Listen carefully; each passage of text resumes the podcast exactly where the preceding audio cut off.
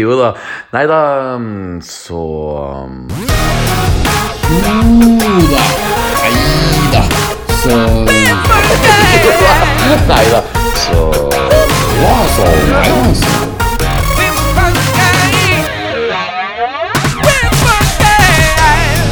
Jo da. Nei da, så Jo da.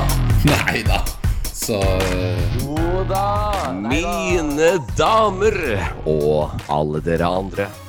Hjertelig velkommen til episode 31 av vår forsinkede Star Wars-podkast.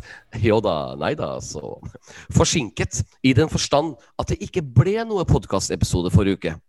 Du lurte kanskje var noen syk? Var det intriger innad i Yoda Neida så? Har noen sluttet? Er det krig? Nei. Det var streik i barnehagen. Og da ble det plutselig ikke noe tid til å få til en podkast. Det, det var ikke nok timer i døgnet, rett og slett. Så enkelt, så patetisk. Men det betyr at vi kommer dobbelt så sterkt tilbake i dag, hvor vi skal snakke om to episoder av The Bad Batch, pluss at vi har med oss en sprek ung gjest som skal lære oss litt om digital kultur. Vår podkast er som alltid sponset av godthall.com, og der finner dere vår Yoda Neida Så merchandise, som går som varmt hvetebrød for tiden. Knut, vi er snart så rik på denne podkasten at vi kan vurdere å slutte med musikk i 2058. Jeg har slutta, jeg. Ja. Mitt navn er Petter Aagaard, og som alltid ved min side så har jeg en mann som jeg tror har mye på hjertet i dag. It is my heterosexual life partner in crime, min bedre halvdel, Mr. Knut Løksen. Watak pekaon og vanki, jabba nagazizi kancho pudo muchi. Og, og, og da må jeg svare det? Ichutta. Nei, det, det, var, det var jo Jabba, håper jeg. Nei, Nei, men det er nei, jo- nei, du, du, var, du var ikke Jabba så kort, du var jo eh, Bib Fortuna. Bi- Lille Bib Fortuna. Ja, ja, ja. May he rest in El- peace. May he rest in peace. Han er jo flat som en pannekake nå. Eller Ja. ble skutt i fillebiter av ja. Boba. Yes, Nei, det går fint her. Yes. Det går veldig bra. Det er litt sånn eh, Du er kvitt pollen. Jeg har fått litt Ja. sånn eh, Litt pollen her, jeg, men eh, det drysser, det regner liksom pollen ned her. Så alt Ja, er fullt. Og jeg er litt småhes, men ellers er det greit. Ja, men Det er bra. Jeg er litt tett i nesa, men jeg har aldri stoppa vår podkast. Men eh, dagens gjest hadde en frisk mann. Han er også en eh, kjekk mann som altså studerer digital kultur ved Universitetet i Bergen. Han har også erfaring fra student-TV og en rekke podkaster. Og sist, men ikke minst, han digger Star Wars. Så ønsk velkommen til vår funky podkast, Mr. Eirik Herfindal. Hello there. Obi-Wan think as you do, Eric Harfendal. Knut and Petter is your masters now. They will show you the true nature of the Force. Velkommen, Erik. Ja, takk, takk. Bedre introduksjon enn det får jeg nok ikke. Takk, takk. Nei, nei, det var ja, Hva var det egentlig du sa der, Knut? Var det at uh, jeg og deg skal lære Ja, Eirik vi, the power of the force? The true nature of the force. Også en veldig kul replikk fra Return of the Jedi når jeg så den på nytt her med, med datteren min. Jeg, må, jeg kjenner at jeg må, egentlig må få flere barn, egentlig, for da kan jeg se Star Wars flere ganger på nytt. Mm, Men da la jeg merke til denne replikken igjen. da He will show you the true nature of the force. Det er liksom ultimate setningen om en bad guy, liksom. Ja, og hva er da the true nature of the force? Bzz. Det er jo force ja, lightning. sant? Det må være force lightning. Midichlorians, cloning, jeg vet ikke. Unlimited powder. Unlimited. Eh, Så utrolig artig. Unlimited Du, Erik, cocaine. Nei. Eh, jeg, må jo starte eh, egentlig med et spennende spørsmål til deg, Erik, som jeg tror våre lyttere lurer på. Og det er jo hva er egentlig digital kultur? Ja. Så digital kultur er faktisk et relativt uh, nytt fag på Det humanistiske fakultetet på Universitetet i Bergen. Mm. Og det er et ganske bredt fag, fordi at uh, det er veldig teoretisk. Vi lærer mye om hvordan sosiale medier og journalistikk, den dagens journalistikk påvirker samfunnet. Men du er, lærer også litt grann, sånn koding på siden, som kan lage programmer og nettsider på siden. litt grann. Mm. Ja, så det er uh, Jeg har skrevet min bacheloroppgave om eh, ja, sam, sam, sånn, Jeg har sikkert hørt om sånn eh, ekkokamre, kommentarfelt. Hvordan folk bruker retorikk med hverandre i kommentarfeltet. Og hvordan kommentarfelt på en måte oppfordrer folk til å være litt mer eh, antagonistiske mot hverandre og korte. Ah. Og man mister mye av dybden der. Så jeg fokuserte mye på sånn, Ja. ja, sånn politikk, kli, spesielt klimadebatten, Mm. eh, sånne ting. Så veldig interessant. Ja. Da må, jo jeg, da må jeg si, før Knut eh, hopper inn her, at du er jo da egentlig en drømmegjest i en Star Wars-podkast. For Star Wars-fenomenet har jo på en måte blitt eh, eh, Star Wars-fenomenet har fått på en måte en ny gren innenfor digital kultur. fordi at eh, det er jo liksom ingenting folk liker mer enn å klage om Star Wars på internett. Det, det er jo veldig fascinerende. Har, har du tenkt på det, Erik? At det er, det, Star Wars på en måte har blitt et eh, fenomen innenfor det du studerer? Ja, det ville jeg sagt fordi at uh, sånn Star Wars har alltid vært en viktig del av vår sånn, kultur generelt. Men spesielt de siste sånn, 10-20 årene så har på måte, Star Wars og mange andre franchiser som uh, Marvel osv. blitt på en måte sånn en slags battlefield Ja. for folk sånn, for forskjellige sider med forskjellige meninger om hva som er passende å ha i disse franchisene. Enten det er eh, representasjon, eller skal det være politisk, skal det ikke være politisk. Noen mener at all underholdning bør være 100% apolitisk. Andre mener at uh, ja, ja, George Lucas har jo selv sagt han har puttet sine politikk inn i Mm. sine filmer. Mm. Og det er jo liksom, det er veldig interessant, synes jeg. For Mm. det er jo eh, fordi at man, man må liksom finne sånn fin balanse akkurat in the force. Så det er veldig interessant. Men tror, tror du studioene i, til, til noen grad, i noen grad følger med på dette her? På disse alle, alle disse sosiale mediene og forumene? Altså, jeg tror ikke de følger like mye med som folk håper, men jeg tror at det, det må være noen Ja. I, LucasArt. Det må være i hvert fall én person som holder et ekstra øye med selv de minste gruppene. fordi de, de følger selvfølgelig med på de store gruppene.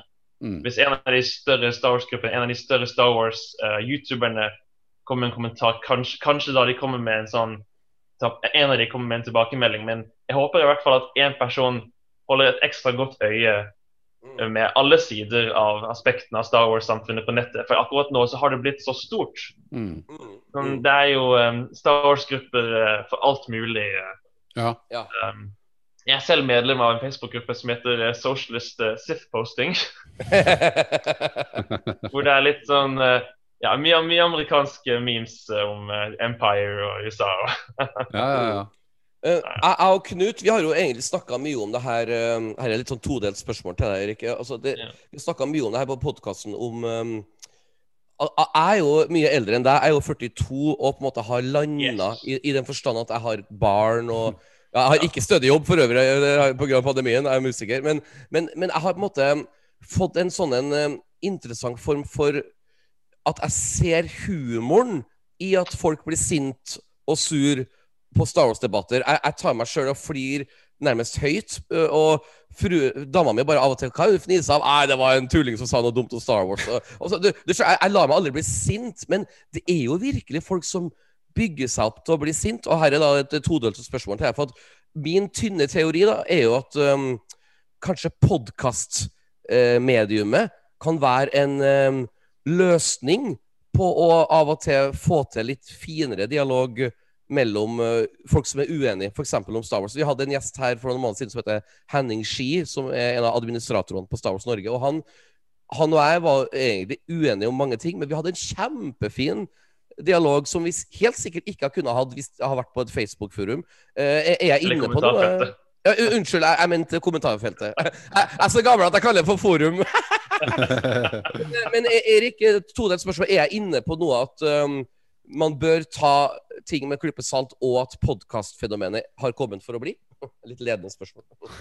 Ja, så For å svare på det første spørsmålet, jeg kan Ja. si uh, med hånd på hjertet at uh, min kjæreste har bedt meg om å melde meg ut av flere Star Wars-grupper. Fordi at jeg hele tiden eh, blir med i eller starter eller prøver å avslutte Flame Wars, som vi kaller det på engelsk, godt engelsk. Um, men jeg, jeg, jeg syns det er veldig artig. Jeg, jeg, jeg, kan ikke, jeg kan ikke melde meg ut av disse Star Wars-gruppene fordi at jeg liker Jeg har lyst til å prøve å forbedre dem. Jeg, jeg, håper, jeg, jeg håper ikke jeg bare legger på bensin på ilden, for å si det sånn. Jeg håper at jeg gjør det bedre, ikke bare skriker. Noen ganger blir det drevet med, selvfølgelig. Mm. Fordi at uh, ja, Som ja, sagt, som sagt om i bacheloren, men det er jo det som kommentarfeltet gjør. Det gjør det mer oppspilt og oppspilt. og Men for å svare på det andre spørsmålet, så er jeg helt enig i at podcaster kan være et, sånn, et godt sted for folk, folk som er uenige. å ha litt mer åpne debatter, for det er mye mer nyansert. fordi at jeg tror folk undervurderer hvor viktig tonefall, eh, ansiktsuttrykk eh, sånn De små tingene er viktige i en sånn samtale. Fordi at Hvis du ikke har et smilefjes i kommentarfeltet, så kan din kommentar være den slemmeste kommentaren i verden. Det er, det er de småtingene. De viktige Små tingene. ja. Her, her er det mye mer avslappet, og det gjør at alle sammen kan på en måte senke skuldrene, ikke være på defensiven. Så det er jeg helt enig i. Kan vi ikke gjøre som VG gjorde, da? Altså Gå rundt og besøke trollene der hvor de er? Åh, ring Åh. opp. Ja, ja. Ja, det hadde, hadde vært en interessant idé. Vi burde samle sånn, de mest radikale Star Wars-meningene på én side, og så mest radikale Star, Star Wars-motsetningene på en annen side, og så bare få dem til å ja, finne litt common ground. Ja. For, for, våre, for våre lyttere som ikke helt tok referansen til Knut, så var det altså slik at for um, fire-fem år tilbake så var det en eh, meget tragisk episode på kystlinja til Spania, hvor det kom eh, flyktninger eh, over eh, eh, dammen, skulle jeg si, som eh, ikke alle klarte.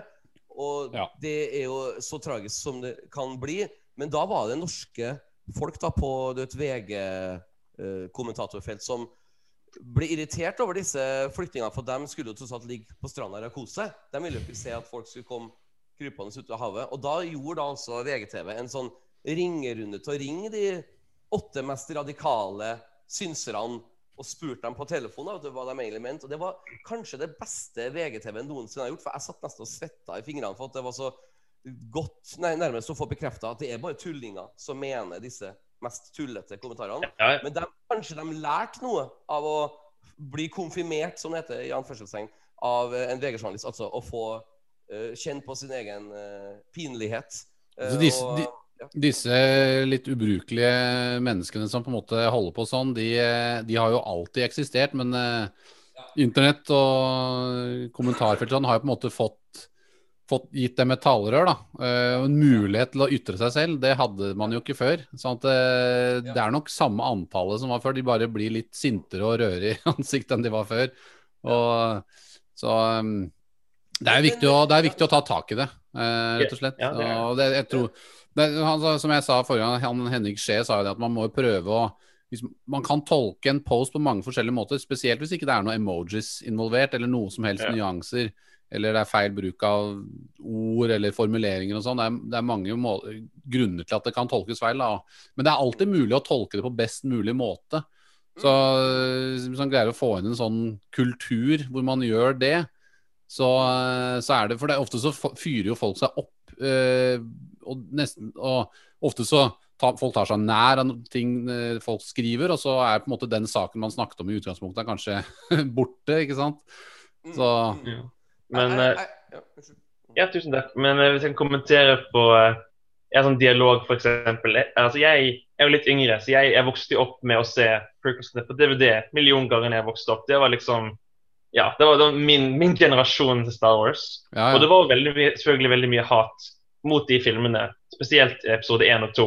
Mm. Når det kom til dialog, eh, animasjon, Mm. plott, struktur det, det var, Alt ble kritisert sånn, til et punkt at det ble nesten for mye. Og nå ser vi tilbake på de filmene mye mer positivt. Men jeg har merket, nå, nå som jeg har sett alle de nyeste filmene på kino, jeg har merket at den, den kritikken har kommet tilbake, Mm. men den er annerledes. Og En ting som separerer kritikken mot prequelsene med kritikken med sequelsene, er at um, sequelsene det virker som det bare er ett problem med de filmene, og det er storyen, eller hvordan storyen ble fortalt. Mm. Sånn, det er ingenting galt med skuespillerne, casting, acting, musikk. Animasjon er veldig sånn, den, er, den er solid. Jeg tror ikke du kan Ja. eh, sånn, argumentere det. Men jeg, jeg føler at jeg personlig føler at kritikken mot de nye filmene er litt mer urettferdig. Fordi det er sånn Ja, filmen var god, men den gikk ikke helt den veien jeg ville, så nå er den verste Star Wars-filmen noensinne. Og ja.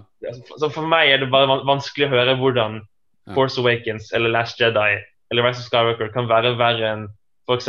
episode 1 og 2. Fordi som barn jeg likte ikke episode 1 og 2, for jeg forsto ikke plottet. Og som voksen jeg, en del av meg forstår fremdeles ikke plottet. for den. Ja. Cypher Diaz, Cypher Diaz, Cypher Diaz, hvor er Cypher Diaz? Jeg har lyst til å se Cypher Diaz. Okay, Jeg vil, jeg vil ha han i en eller annen clone spin-off. Ja, ja, ja. Gi oss litt av det. Fordi jeg vet folk klager på at de nye Star Wars-filmene ikke liksom hadde en ordentlig tynn rød tråd som fulgte gjennom storyen, og det er et veldig godt argument. Ja, det er det. Da vil jeg argumentere for at uh, både den originale trilogien den var ikke sånn planlagt fra begynnelsen til slutten. Der var det litt improvisert på veien. Og Mm. til og med med prequelsene så var det et par sånne historier som ble droppet på veien. Så vi har, vi har alltid hatt det problemet. Men jeg føler at i nyere tid så er kritikken mindre på kvaliteten på filmene og mer på wokeness eller social justice warriorness eller Ja. sånne ting som jeg personlig ikke føler har så mye å si på filmene.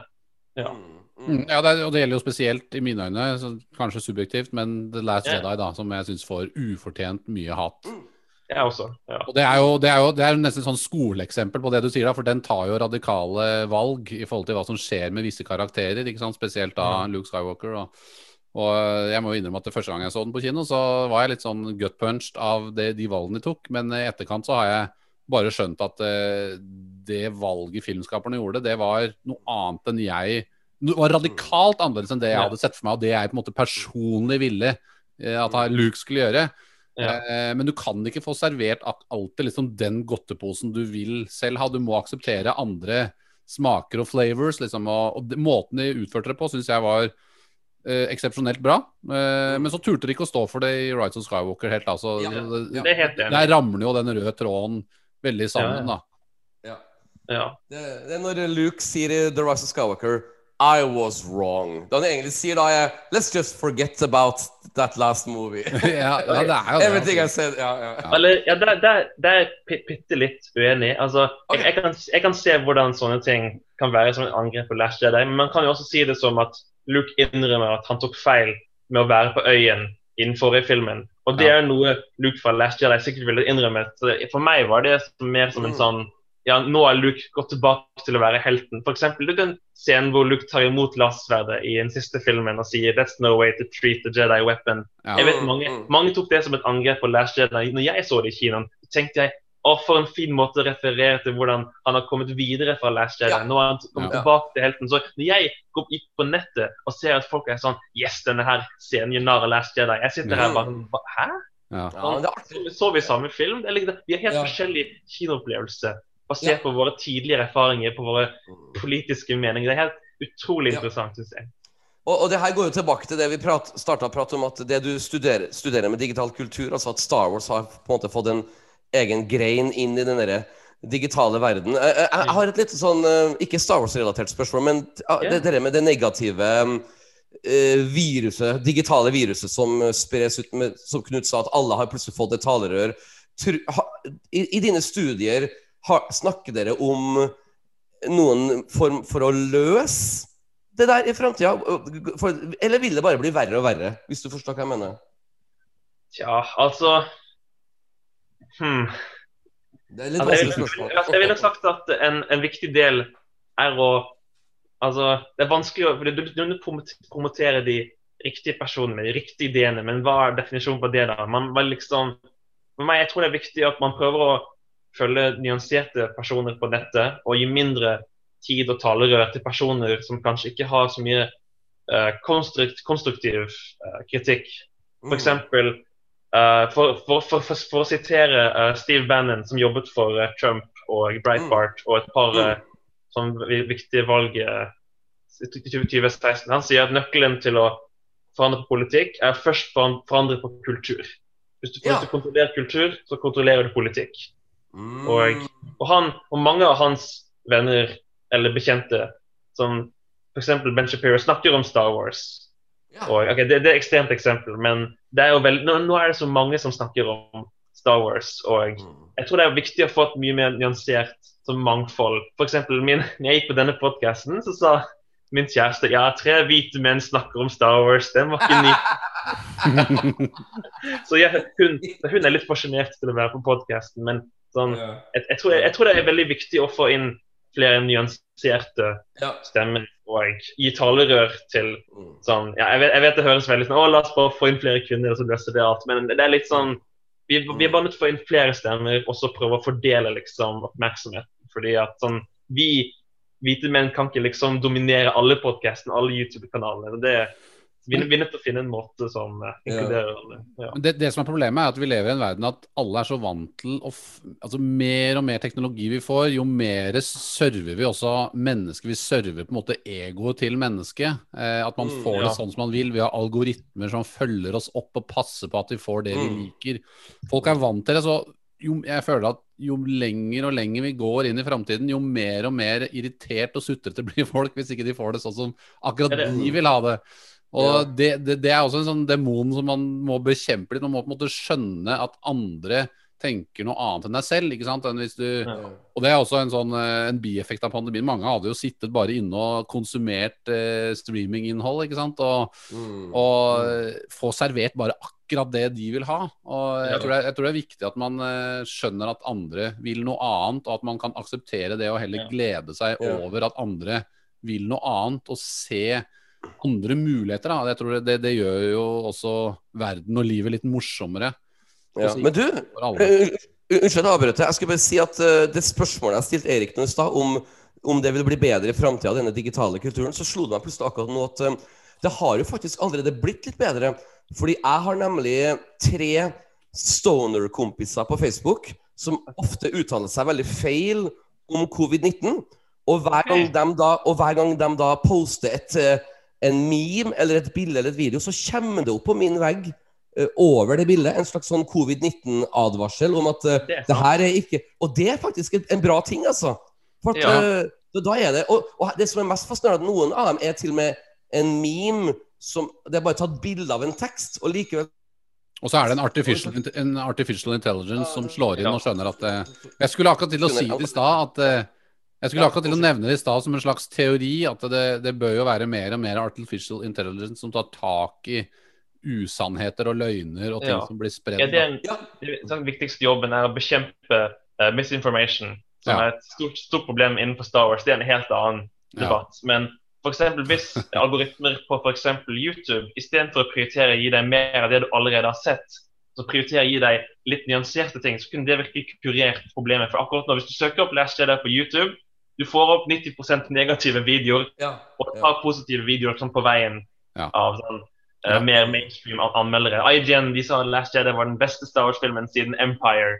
Ja, Og, ja. og, den, og den videoen ligger nå begravet under Top 10 Ja. bad things about Last Ja. Jedi. Det er sånn, så hvis algoritmer og AI-er kan gjøre en bedre jobb og få mer sånn, positivitet, eller mer nyansering, det, og mindre ekkokamre, så det kan virkelig det løse problemet. Det er jo, det er jo interessant, for det, da må du inn med en slags moralsk robot som på en måte skjønner at vi må, vi må kompensere med positive ting. For det, det er jo veldig Det, det interessant er den vanskeligste delen. For Hvem Ja. bestemmer hva som er bra, hva som er dårlig, hva som Ja. er galt? Det, det- er veldig vanskelig. Dette er jo veldig en stor del av problemet. Det har jo ikke bare med noe med Star Wars å gjøre, men alt, alt negativt, alt hat. Hvis du på en måte er en koronafornekter, f.eks., eller du mener at det ikke er sant, og du begynner å søke på sånne ting, så vil på en måte algoritmer foreslå ting for deg som bare fòrer deg med det samme hatet og det samme ting. Og så til slutt så blir det en overveldende sannhet som er på en måte helt Det er, det er bare det som gjelder, Ja. og du får ikke noen nyanser eller noe som helst. Du blir bare Ja, fòra med det. gjør penger.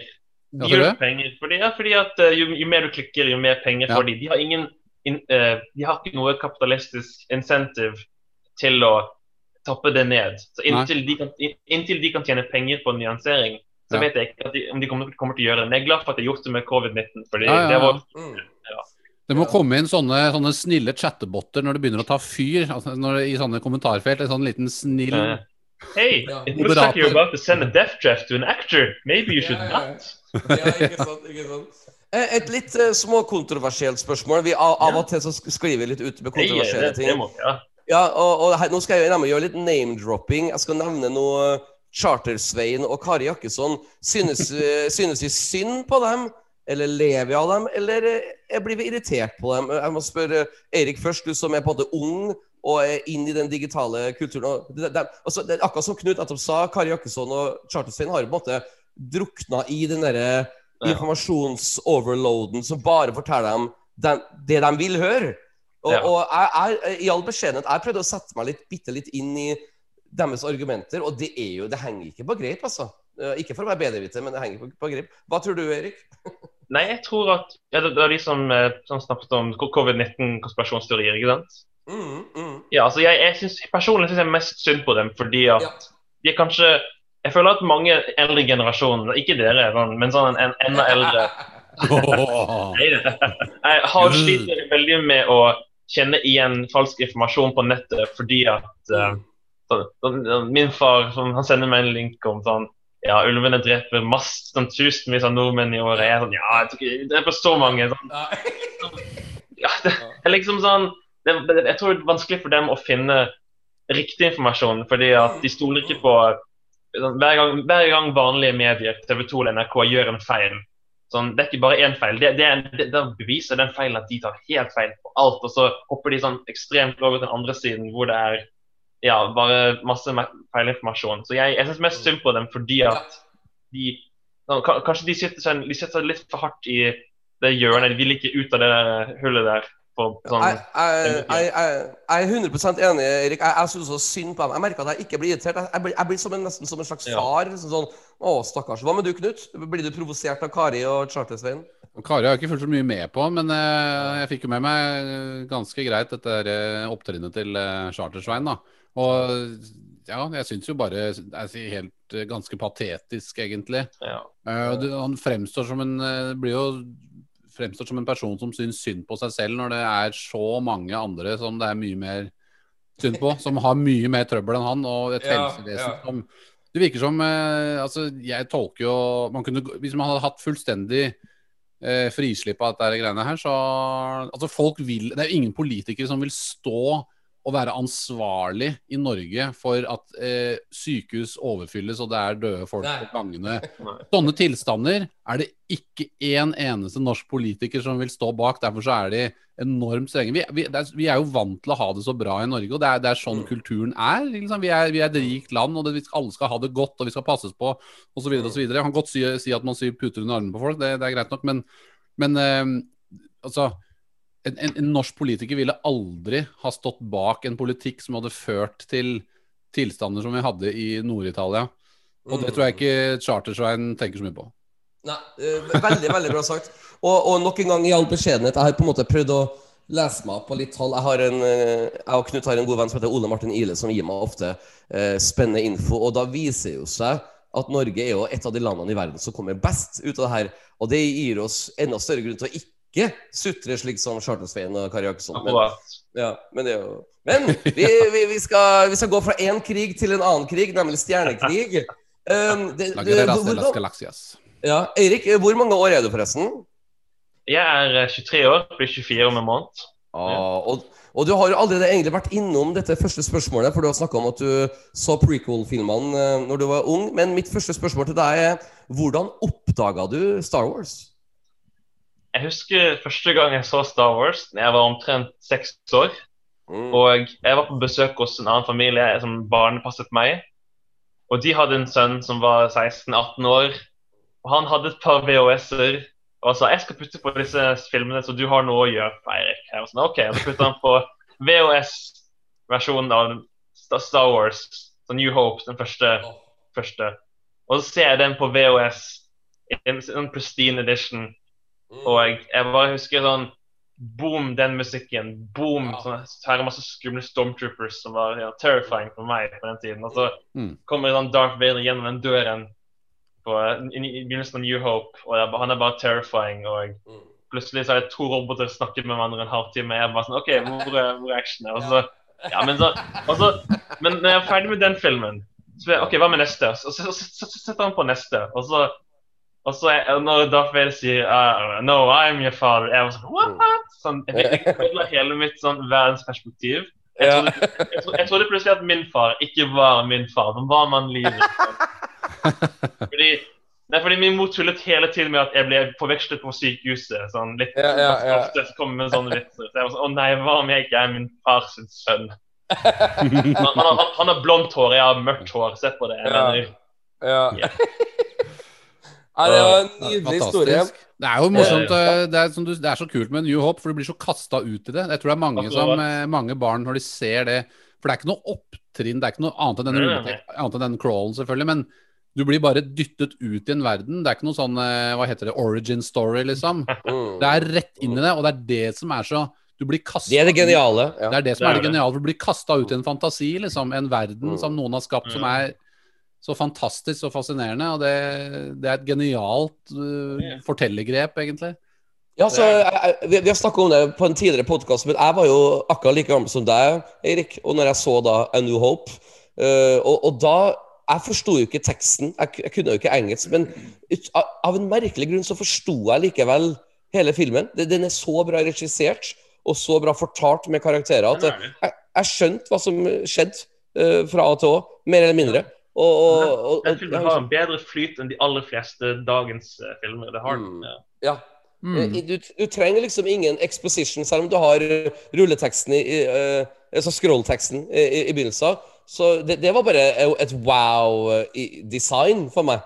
Jeg, jeg leste det jo ikke. Jeg bare Wow! Bokstaver i universet. Kult. Altså, jeg, man var mottagelig for alt som kom, ble servert. Og det man, man, man kan aldri si at George Lucas ikke var en bra regissør, som er veldig populært å si nå i moderne tid.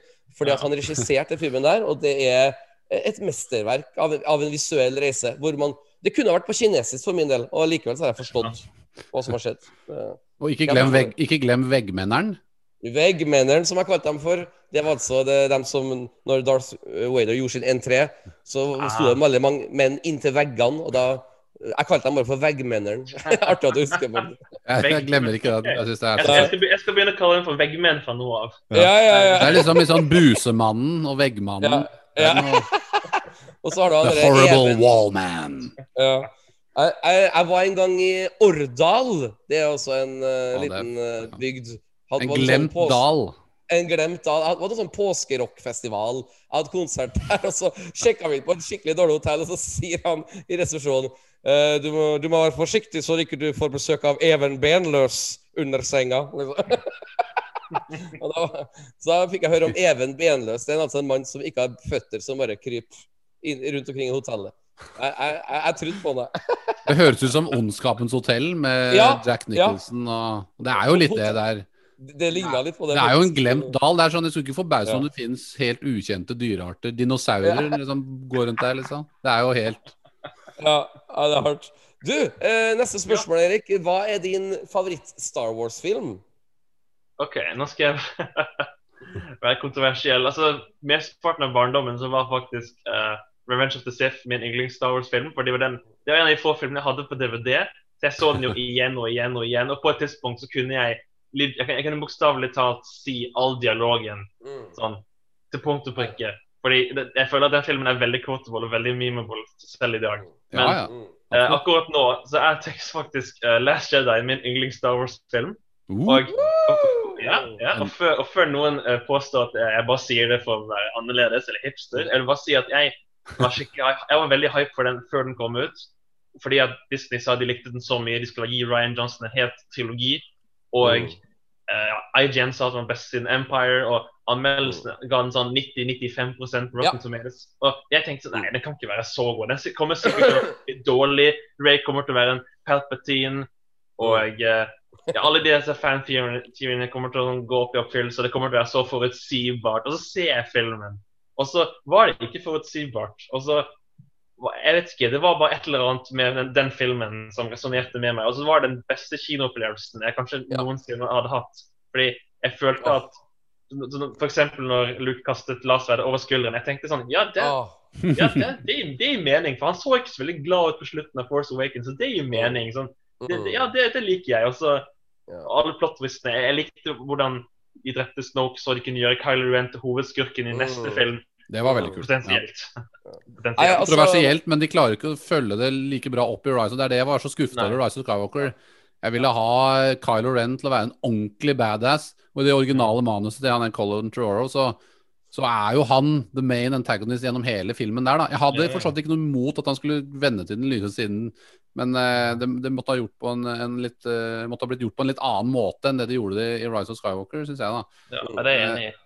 Men jeg syns, eh, jeg syns jo det er veldig kult eh, sånn som med Snoke, for at det liksom befester han eh, Kylo Ren som en, som en makttørst type, liksom. En litt Ja. sånn rabid dog som bare gjør som han vil. Ja. Ja. Altså, jeg vet at mange var lei seg når han eh, Snoke døde. Og til det så vil jeg bare svare at at eh, ja, altså, I Force Awakens så du ser ikke, jeg, føler at du ser ikke nok av Snoke til å på en måte få et bilde av hvem han er, eller sånn, noen ting om han. Men jeg føler at i Last Jedi, bare f.eks. hans eh, sånn tronerom, du ser det er sånn stort, fint rødt som bakgrunn, Mm. og så har han sånn nydelig sånn gullklær på seg. og Jeg så noen som snakket om hvordan han er en referanse til Wizard of Us, som er en sånn stor, mektig trollmann. Men i virkeligheten, hvis du river ned teppet, så teppet brenner ned, så er han bare en patetisk gammel mann som Ja, han er veldig mektig, men han er også veldig arrogant.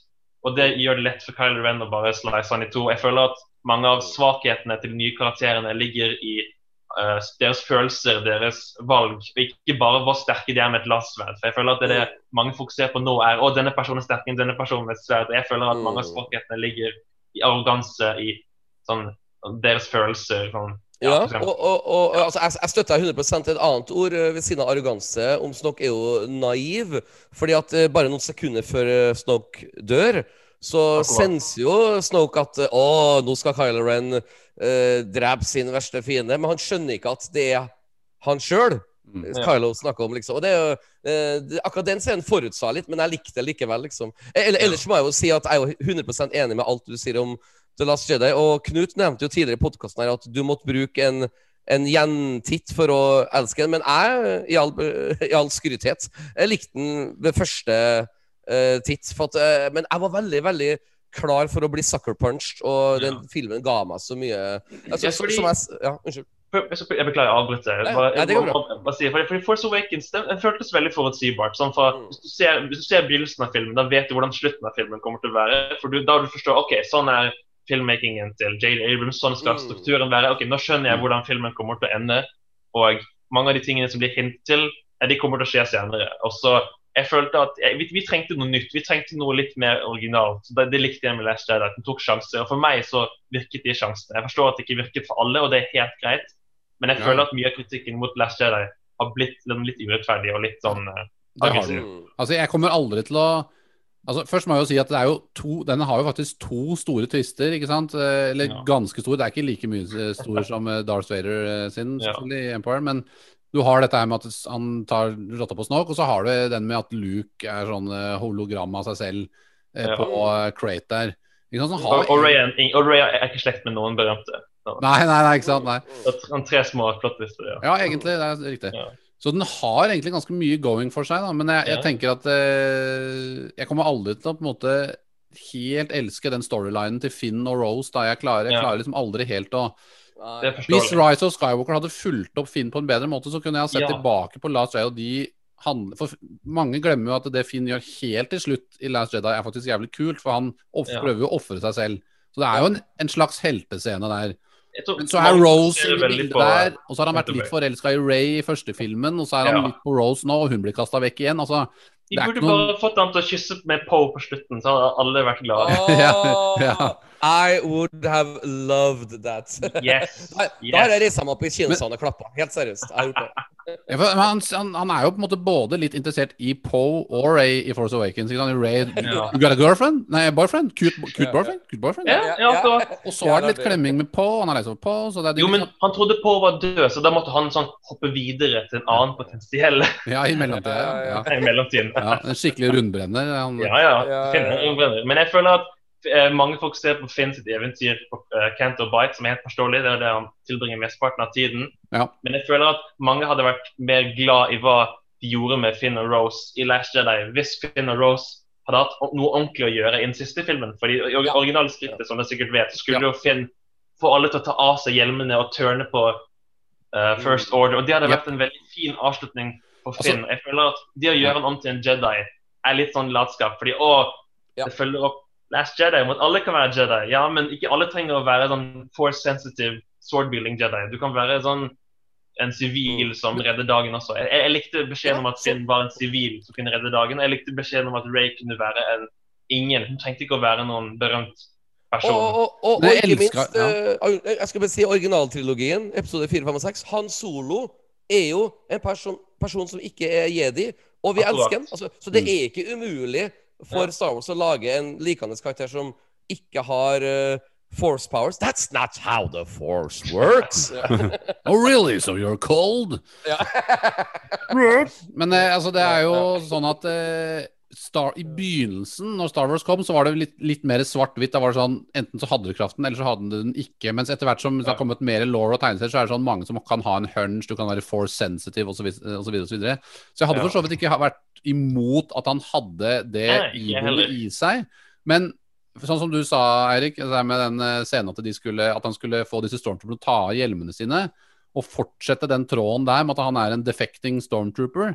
Det hadde jo vært et mye bedre valg enn alt det surret han drev med i Rise of Skywalker. Ja, han møter noen gamle stormtroopers, men, men man, man får liksom ikke noe særlig feeling. De gjør ikke så mye med det. Nei. Nei, de gjør ikke så mye med det. De antar at de rir på hester på en uh, Star Destroyer, liksom.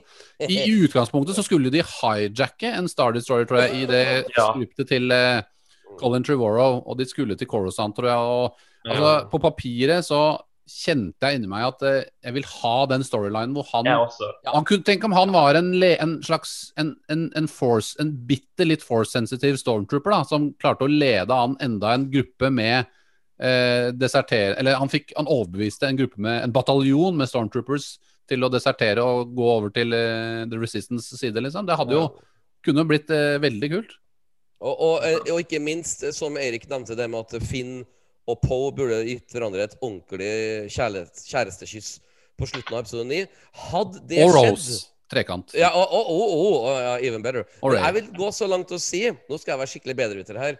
Okay. Hadde JJ vært så modig og putta inn en scene hvor Poe og Finn kliner, så har jo Altså, haters gonna hate, men Nei. The Legacy av episode 9 har 30 år fram i tid kommet til å ha blitt sett på som den største eh, homovennlige eh, storbudsjettfilmen gjennom Ja. historien. Og kommet til å ha blitt hylla, kommet til å ha blitt satt på sånn pedestal. Det har kommet til å ha vært Alle homseklubber i hele verden har det kommet til å ha vært plakater av The Rise of Skywalker. Sånn endelig en franchise, milliardfranchise som våger å fremme homofile. Du vet du hva? Big mistake at de ikke gjorde det. De tenkte ikke ja, ja. 100% enig. Ja, ja, ja. Det er viktig, altså. Ja.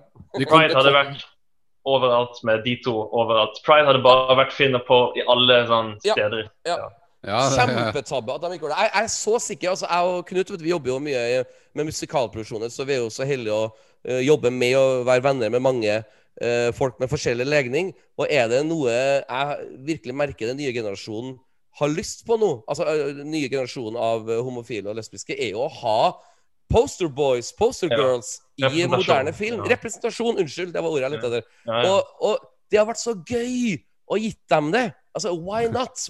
It's 2021, for fuck's sake. Altså, Oscar Isaac han pitchet jo ideen til Disney om å ha et uh, gay-kyss på slutten, men han sa Sånn, ja. at Disney ville ikke, de ville ikke ha noe av det. Så, Ah, Det tabbe. Ja. Disney-feil der. Men, Poe var jo eh, Han skulle jo ja, egentlig dø. Han kom jo inn eh, etter hvert i produksjonen og de innså at han var en så populær karakter. Så han ja. anket han jo inn i produksjonen igjen. Så det kan jo selvfølgelig ha kludra til noen av planene, men eh, ja. Ja, ja, ja. Men bare for å avslutte det jeg sa tidligere. Jeg tror at folk hadde uh, sett mer positivt på Last Jedi hvis den siste filmen hadde ryddet opp sånn, litt, litt bedre. Fordi at eh, jeg, jeg føler at eh, sånn JJs sånn, filmstil er mye mer sånn in your face. Og det handler ikke om De, de gjør ingenting om du er i slekt med Palpatine. Du kan fremdeles være god. Altså, alle skjønte at det var liksom en av hovedbeskjedene i den siste filmen. Ja. Mens i Last Jedi så er temaene og beskjedene mye mer vanskelig å få til. Noen kom ut av filmen og trodde at beskjeden var at du må brenne ned alt og slette alt det gamle. ja. For, det, for meg så virket det mer som at du bør læ- lære av det gamle og legge til det nye. Altså, det var en slags mer sånn blanding. ja. Mm, Men jeg, jeg, jeg føler at uh, sånn JJ har et litt mer sånn uh, in your face uh, movie-making-style. For mye Ja. mer sånn Men det, det, det du sier der, kom, skinner jo veldig mye gjennom med det Luke sier til Ray. Ikke sant? Med at, eh, at eh, man må lære av liksom feilene Jediene gjorde før. Med at eh, de mente at The Force var bare noe som tilhørte dem. Men det er jo på en måte eh, en egoistisk tanke, da. Så, Mm. Så det er jo en, egentlig en veldig fin kommentar til det.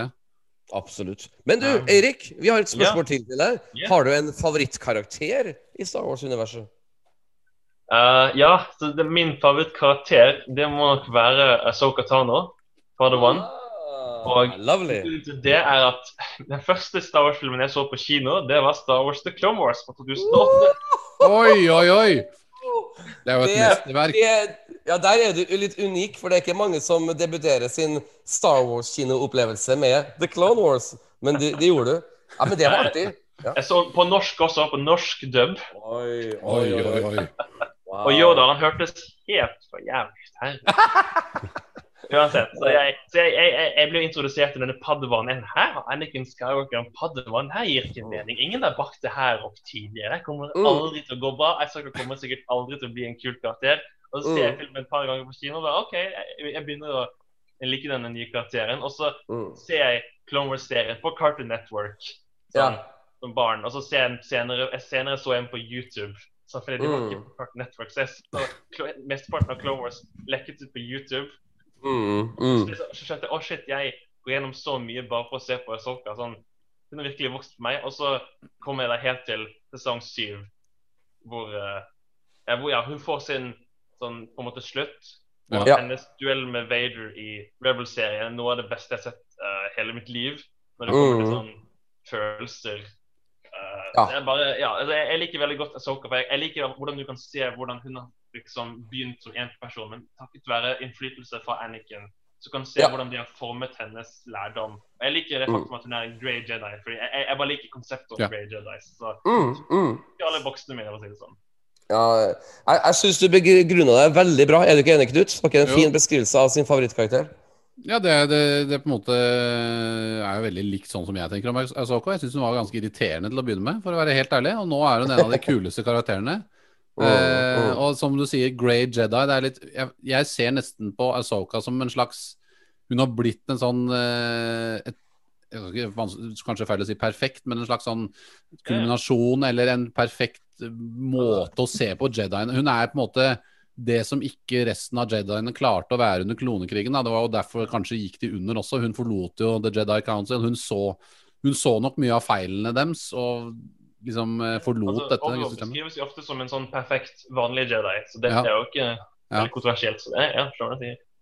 Mm. Så Hun har jo den der uglen som passer på henne også. Det er jo noe symbolsk i det òg. At hun er kanskje Hun er det lyset, det håpet som eh, Sammen med for så vidt Luke, da. Eh, men Luke Ja, og, jo og, og ikke unnskyld å avbryte, men uh, alle de andre jediene, dem, uh, hun, hun blir jo litt uglesett av Ja, de andre ja. jediene. ja, Hun er litt radikal, litt rebelsk. Og, Og ugle, uglesett og, og uglesett og ugle, vet du, det er jo It's, it's poetry. It rhymes. OK. eh, sorry, jeg hadde dårlig humor. Eh, har du noe favorittsitat, Erik? Ja, OK, så her, her måtte jeg faktisk tenke litt, grann, google meg litt fram. Jeg hadde hadde ikke noe ordentlig sitat som vi gikk rundt og tenkte på hele tiden. Men det var en, det var en som jeg eh, leste som jeg virkelig, virkelig brakte meg tilbake til da jeg var barn, og det var um, Skal se Ja, nå husker jeg det. Det var den linjen So this is how liberty dies. With thunderous applause. ja, bra? Det- Det... Ja, det er en av de bedre skrevne um, replikker av Josh Lucas i prequel-trilogien. Altså. For den, er, den, den reflekterer også litt tilbake til Hitler, faktisk. også Hvordan Ja. eh, tyskerne jubla på Ja, ja, ja. taler. Ja. Det er politisk det, er to, to, det er eh, to grunner til at jeg elsker den eh, replikken så mye. Den ene er at første gang jeg så filmen, jeg syns dialogen var litt sånn clunky her og der, men den akkurat den linjen tenkte jeg oh shit, Ja. den, den, den hadde noe å si, liksom. Sånn, Ja, sånn som ja. politikk, politikk har alltid vært litt sånn bob-bob i, uh, i Mm. prequelsene, men jeg føler at akkurat der så, så fikk virkelig sånn George Lucas I den filmen fikk han Ja. virkelig tak på politikken. Ja. Og jeg elsker hvordan hele den, hele den linjen er veldig Shakespearean. Jeg, jeg liker Ja. Shakespearean-aspektet, liksom ja. Av eh, episode tre.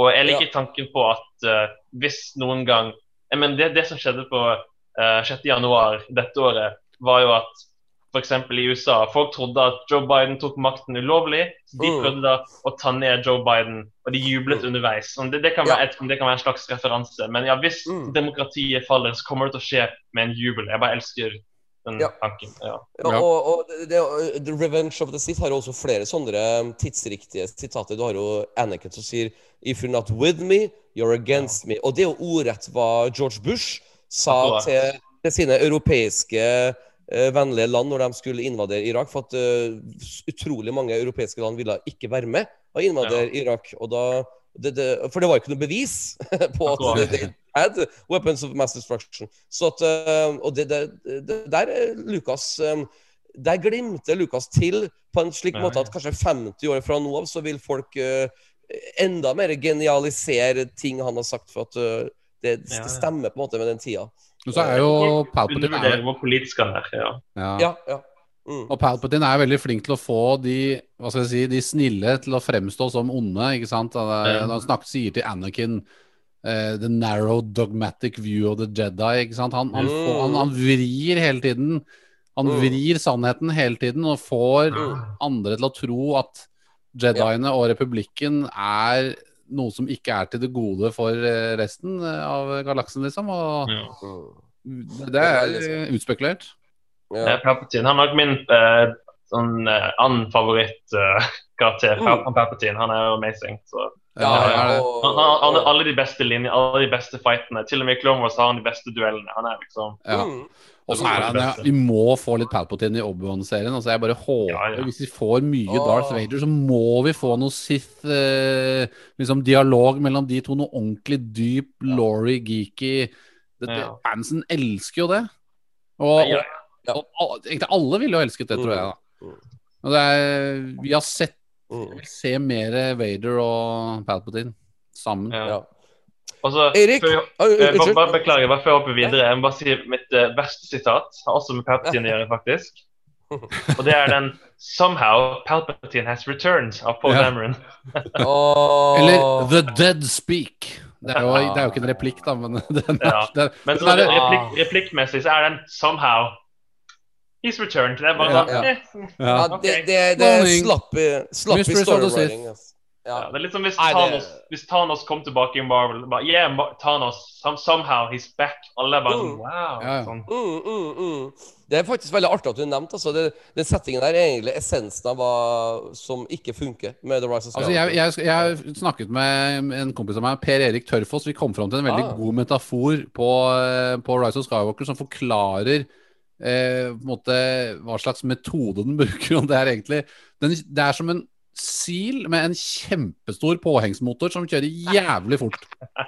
For Det er så mye hull, men du legger ikke merke til de hullene med mindre du liksom Ja, men, men det er eh, ikke- at vi skal snakke en halvtime om The Rise of Skywalker, men det var Nei, nei, veldig bra metafor. Det var en veldig bra metafor. Shout-out til er- Per Erik er det, altså- den er nærmest, uh, i mangel av andre ord, den, den, den er nærmest genialt bra laga i den forstand av at du ikke rekker å tenke Ja. over plot holes, for du er plutselig så er du på en ny planet. Ja, ja. Så plutselig Så, det, det er jo en rollercoaster ride. Og jeg har, jeg har jo sett på sånne Star Wars-forum eh, eh, unge kvinner og menn eh, skriver at det, det, det her er den beste Star Wars-filmen de har sett.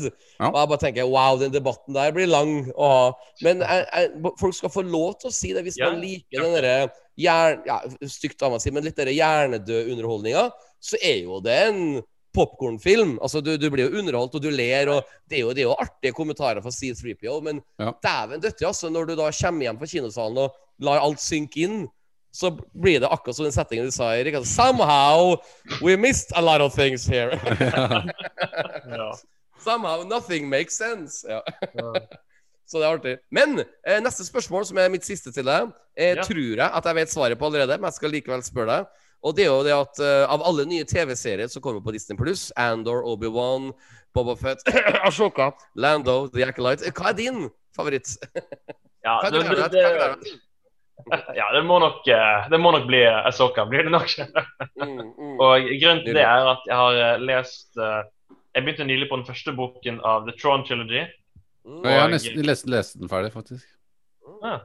Ja, yeah, det er nice. Så jeg, eh, det er vel, og så så jeg jo Rebels med Tron, og jeg, jeg, jeg bare elsker Tron. Jeg elsker Ja. Asoka. Um, jeg liker veldig godt Rebels. Og jeg, jeg liker hvordan Asoka-serien kanskje kommer til å koble alt det jeg liker, sammen. Og, um, mm. og jeg, jeg, jeg liker jeg, jeg håper virkelig at Asoka-serien kan holde la, på en måte la Asoka være på sitt eget eventyr. Mm. Ja. Fordi at Jeg liker veldig godt Mandalorian, men jeg føler at Mandalorian av og til eh, lener seg litt for mye på andres Ja. uh, mer Ja. sånn- At de er mer viktige, på en måte. Men jeg, jeg håper virkelig at Asoka på en måte får uh, pustet til å være sin egen Ja. historie. Fordi det er jeg veldig hype for. Ja. Jeg, vet, vet- vet du hvem jeg tror blir skuespilleren som skal spille Throne i Asoka-serien? Ok, Charter hvem da? Nei, jeg tror det blir Chartersveien. Nei, jeg, jeg tror det blir broren til uh, Mats Mikkelsen. Ja, han han, ja. spiller stemmen eh, til uh, Throne i, eh, i animasjon. Så at, ja. Og nå har det jo blitt mer og mer folk som har vært stemmen til Star Wars-animasjon som har fått spill uh, eh, i, live action. Så, eh, og han er en dyktig skuespiller, og han, he looks the part, så jeg, jeg kan ikke bekrefte. Jeg har ikke hørt det fra noen. Nei, men han hadde har vært eh, perfekt. Altså, hvis Ja. noen som lytter til, ikke har hørt om han, eller ikke vet så mye om han, så vil jeg anbefale å se f.eks. Uh, en episode av uh, Song Fia Sherlock, der er han en sånn Machiavellian uh, sloop bad guy som minner meg veldig om Ah. John. Ja. Oh, ja, Det, ja. det, det var jeg ikke klar over. Den, den Netflix-serien med Eh, så- Sherlock, det er en BBC uh, Sesong tre, tror jeg det var. Men den der oh, ja. eh, BBC-serien med Sherlock, så er Ah, han en ja. sånn eh, skurk. Ja. Ja, riktig. Ja, men Spennende. Men nå, kjære Erik, eh, jeg, jeg må jo bare si at nå har vi snart snakka i en time, og det her er jo bare god stemning og nydelig å ha deg som gjest. Eh, og nå skal, vi jo egentlig, og nå skal vi jo snakke om de siste to episodene av The Bad Batch, men før den tid så må vi ta en personlighetstest på deg, som vi kaller for pinnekjøtt eller ribbe. Så vær så god, Knut. eh, play the snippets. And now we will play the Yoda Nada So quiz. Og der er vi i gang. Da er vi i gang. Eh, Quizen fungerer altså slik at vi skal finne ut litt mer om din personlighet ved at du må svare på ett av de ordene her. Altså, Jeg gir deg to ord, og du må velge det ordet du liker best. Okay. Og, hvis du har, og hvis du har et behov for å uh, forklare deg nærmere, så har du lov til det. Vi starter altså med spørsmålet pinnekjøtt eller ribbe. Hva foretrekker du? Jeg har spist pinnekjøtt hele livet, og jeg syns det er altfor salt, så jeg velger, pin ja. jeg velger ribbe. Ja. Jeg er veldig enig. Det er utrolig salt. Uh, Eh, Pepsi eller Coca-Cola? Uh, Coca-Cola. Zero. Ja, mm. Star Wars eller Ringenes herre? Oh. Oh. Det er vanskelig, fordi Ringene- Ringenes herre-trilogien er jo så perfekt. Men, men rommet mitt er jo bare som Star Wars. Det er liksom, ja. Så jeg må, jeg må bli Star Wars. Det er nostalgi. Ah. Star Wars. da, da blir neste spørsmål ikke noe enklere. Han Solo eller Indiana Jones? Ah. Jeg velger nok Indiana Jones. Jeg hadde Indiana Jones-fase da jeg var barn, med ha- hatt og skjorte og fisk og hele, Mm. Lego hele pakken. Så jeg velger Indiana Jones. Ah, jeg syns det er et nydelig svar. Eh, Batman eller Supermann? Oh, Batman, of course. Ah, bra. Det er bra. Eh, Bård og Harald eller Thomas og Harald? Det hvem, hvem er det? Hvem er det? Altså, Bård Tufte Johansen og Harald Eia er jo to komikere uh, som har oh, ja, de, ja. underholdt. Og så har du Thomas og Harald som har hatt dere Senkveld, som er to Ah, ja, komikere. Senkveld. Ja, nå, nå ringer det bjelle. Senkveld. Ja. Ja. Så du, du, du foretrekker Thomas Harald? ja. Wow. DDE eller Ole Ivars? Du er for ung til å ha hørt på musikken her, du sikkert. Dessverre for ung. Han har hørt noen sånne trans-remixer, sikkert. Ja, ja. Ikke Han er sant? Skrillex og dubstep. eh. Ja, jeg vet det, jeg vet det. Jeg vet det. Jeg, jeg tenkte til og med på det i stad når jeg sa Bård og Harald Thomas Harald. Du, du er for ung vet du, til å ha noe forhold til dem. Jeg og Knut, vet du, når vi var 16 år, så var vi oppvokst med Bård og Harald. ikke sant? Gjennom NRKs humorshow. Men iallfall, vi fortsetter med en Star Wars-spørsmål. Prequel-trilogi eller sequel-trilogi? Jeg hater å velge, men jeg må nok si uh, ja, sequel trilogy. Oi! Ja, Det, jeg, jeg, altså, jeg elsker episode tre til døde, men eh, eh, ja, Som sagt, jeg, har- jeg har sett alle de de sequel-spillene på kino og hatt så gode minner om det. Og jeg, jeg, jeg liker bare veldig godt sånn Kylo Ren og Ray og Finn og Ja, ja. sånn Det, det, det, er jo, det er jo visuelt vakkert å se på. Ja, ja. Men for, meg så tipper Last Jedi så vidt den vipper, sånn, så vidt vipp- vipper over. Men jeg liker veldig godt uh, deler av prequelsen også. Ja. Ja, ja. Eh, Jeg er eksempel en stor BB8 på stua, liksom, som står og smiler. Og jeg bare elsker design på Så Ja, ja. eh, JJ har gjort de rette ting, altså. Neste Ja. spørsmål. Eh, Charter-Svein eller Kari Jakkesson? Charter-Svein. of course. Må gi han nytt. Nei. Jeg bare, jeg bare fant på spørsmål. Bare, ja, men det går bra. Jeg skjønte okay. det. ja, ja. Freya eller Stratos? Sorry, jeg ler. Freya eller Stratos? Og Freya, selvfølgelig. Freya. Ah, Altså, jeg har en sånn backup-sjokolade, sånn just in case, sånn ved siden av meg. Au. Jeg har en firkløver. Absolutt. This is my drug. Jeg er avholdsmann, og jeg røyker ikke. Jeg, jeg gambler ikke, jeg gjør ingenting, men jeg elsker sjokolade. Det er liksom Ditto. my- ja, uh. Eh, vi er snart ferdig. Uh, PC eller Mac? PC. Oh, jeg, ser at Knut tar notater her nå. Det blir spennende. Ok, Vi har bare noen få spørsmål igjen. Um, eh, Beatles eller Rolling Stones? Det blir vanskelig for deg, vet du, som, er, Åh. som er så ung. Oh, jeg, jeg, har hørt, jeg har hørt sangene deres, og det, det er vanskelig å velge. Men Ja. jeg må nok gå for Beatles, fordi det er den sånn, Ja. mine foreldre alltid spilte av i stua hele tiden.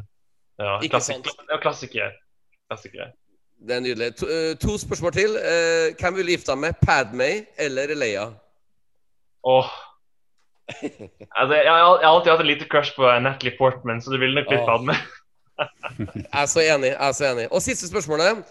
Den sjokoladen som du har, skal den ligge i kjøleskapet, eller skal den ligge i romtemperatur? Jeg skal ligge i romtemperatur. Yes, sir! Du kan Knut! du kan ikke putte i kjøleskapet. Ja. Ah, det er så bra. Da må Knut spille en liten snippet for å sjekke om du har bestått eller You ikke. have completed the trials of the Dark Lords of the Quiz. Eh, Yes. Eh, Knut, jeg er spent. hei. Knut, eh, jeg er Ja. spent. Eh, Du har sikkert tatt litt notater. Her var det både cola og, og sequel-trilogier og Ja. sjokolade i romtemperatur. Hva, hva, hva, hva er den konklusjonen din? Nei, Det er en eh, radikal ung mann, liksom. Sequel. Han, han liker det moderne. Han er sunn. Han liker eh, Cola Zero. Han er opptatt av å ikke dytte i seg for mye sukker, selv om han liker sjokolade. Eh, men han, på den annen side så liker han jo ribbe. Men jeg skjønte jeg det riktig at du ikke Du, du spiser bare pinnekjøtt, men du vil Jeg, jeg får servert pinnekjøtt av alle i familie, begge sider av familien hvert år. ja, Så du sitter og spiser ribbe litt sånn i smug? Men, mens jeg gråter på innsiden. Ja, Jeg er jo vestlending, så jeg må, Ja. vi, må, vi må jo få eh, klassikeren. Ja. Ja, ja, ja. Nei, dette, dette, er- er absolutt bestått, eh, vil jeg si. Det er, eh, og Batman, han er, han er mørk. Han liker det mørke. Thomas og Harald er, er jo runde og snille i humoren. Uh, Unnskyld, jeg skulle si Å, han liker mora istedenfor dattera i Padme Leia-greia. Ja. Sånn i filmens verden. Skikkelig MILF. Ja. Nei, det, det, var, det, det var bestått, altså. Det var det. Og det var, jeg, jeg syns det var litt gøy, for du er jo så klart um, eh, eh, Ja, faktisk 20 år, eller nesten 20 år yngre enn oss. Og det er artig å se hvilke referanser du ikke har noe forhold til, eh, som vi har forhold til. Og det, det, det er litt sånn, så, som det det er Ole Ivars. Som er eh, pe pest eller kolera, liksom. Du må lage en ung, moderne variant av den personlighetstesten. eh, Ja, ja, ja. Jeg, jeg, som du kanskje merka, Knut, jeg skippa over noen sånne 80-talls, eh, 90-tallslåtspørsmål. Ja, sant det. Ja, det, det er sant. Ja, Jeg er veldig glad i 80-tallsmusikk. sånn eh, Ja. Queen sånn, oh. alle Ah. Ja, Queen. det- digger jo Queen. Altså, det er jo Ja, er du gal? Det, det, det er noe jeg opplever um, som eh, artist på heltid, er at 80-tallsmusikken den har funnet et sånn et um, publikum i hver, i hver generasjon. Det er noe Ja. med det synt og den, kanskje det, litt sånn den varme lydbildet som eh, 80-tallet eh, kom med, og, og pop-oppskrifta. For du vet, 70-tallet var litt mer eh, gr- grumsete i lydbildet, og 60-tallet var enda mer enklere. Men 80-tallet fant på en måte en sånn egen Ja, nisje. 80-tallet som- er den beste. Ja. Ja, ja. Ja, jeg er veldig enig. Men nå har vi endelig kommet til hovedtemaet for podkasten. Og det som er artig, at vi skal snakke om to episoder. Vi skal så klart snakke mest om den siste episoden, men vi må jo starte med episode fem, som heter for Rampage. Og nå har det blitt sånn tradisjon i vår podkast at jeg alltid stiller første spørsmål til Knut om tittelen. Og da spør jeg deg, Knut, episode fem, Rampage. Har du funnet hva tittelen refererer til? Ja, det er jo Jeg har tenkt mer på det på den neste episoden, egentlig. For der er det Ja, flere, ja. flere Tror jeg muligens det er flere betydninger. Men her har jeg bare sett at det er jo full on rampage her, da. Med, med min nye favorittkarakter, The Rancor Moochie. Yes. Det, det, er, det. altså, Rampage er the, the, the Rancor. Det er det de må referere til. Helt korrekt. Så. Ja, det er jo, det er jo liksom ehm, Skal vi se, nå var det noe gærent som skjedde her med Your screen sharing is paused. Hva faen betyr det for noe? Jeg har aldri fått før. Ingen problemer her. Nei, ingen problemer her heller. Så jeg, jeg og Erik har bare fortsatt. fortsette. borti noe. Ok, det er, ja. Ja. Uh, Ja, nei, det, det, det er Ja. altså Jeg har ikke sett noen flere betydninger av tittelen der. Nei. Annet enn at det er fullt kaos der. ikke sant? Det er Record må slåss mot Moochie, Mucci slåss mot denne øglen, Bezak, eller hva faen det heter for noe. Denne, Mm, denne mm. flyvende øglen. Som for Eh, øvrig var med i Clone Wars også, i en større versjon. Ja. Den ligner jo litt på den der som Obi-Wan rir på, men det er vel ikke den, tror jeg. Nei, jeg, jeg tenker at det er den der store monsteret som var med i en um, Clone Wars-episode som sensa at Palpatine var ond. Ja, men, det, ja, men den var jo mye større. Den var jo Å, ja, ja. gigantisk. Ja, men jeg tror det er samme rase. Ja, så kanskje det er, eh, sant, det er episoden for sånne babymonstre? Sånne, Ja, ja, ja korrekt. korrekt. Det er tema. Mm.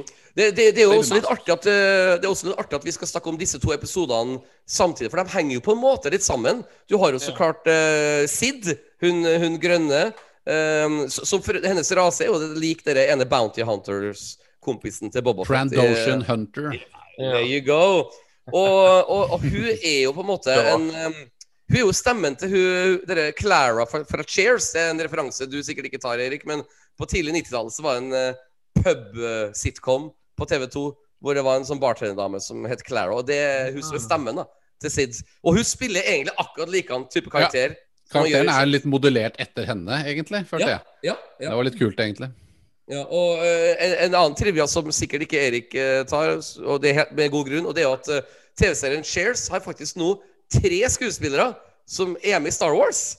wow. Vet du det, ja, vet du det, Knut? At det er um, Du har jo hun Clara-dama, som Ja, er stemmen nå til. Rhea Perlman, ja. Ja, og så har du Eh. jo så klart eh, fra Solo-filmen så har du en skuespiller som heter for Woody Harrelson. Ja, ja, Woody Harrelson, selvfølgelig. Ja, ja, ja. Han eh, kommer fra Cheers. Og så har du faktisk eh, han postmann Cliff. Han er jo med i Empire Strikes Back. Ja, han er jo en av The Rebels med en liten bart. Så at, Ja, eh, stemmer det. Ja. ja, det er litt artig. Men det var bare en eh, side note.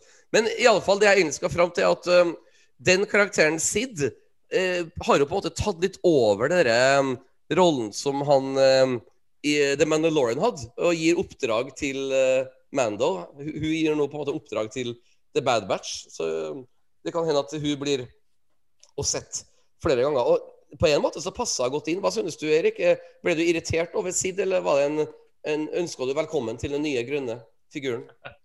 Nei, altså jeg, jeg liker tanken på at uh, Sid bare gir disse hovedpersonene nye oppdrag hver uke, for det har en sånn uh, ukentlig episodic feel. Sånn, jeg, Mm. jeg, jeg trenger ikke at uh, hovedpersonene besøker uh, Coruscant eller Mustafar eller en eller annen berømt planet uh, Mm. hver uke bare for min sånn nostalgi. Jeg, jeg liker tanken på at de bare prøver å finne litt penger, finne litt fotfeste, og på veien så får vi litt character development. Jeg vet at noen kan kalle det kanskje for filler episode. For meg, jeg føler at det finnes ikke noe som heter filler episode så lenge du lærer noe om dem. Og nå har jo eksempel um, eh, Ja Hva heter, hva heter ba, ba, jenta igjen? Ikke alfa, men omega. Omega, Omega. Omega. ja.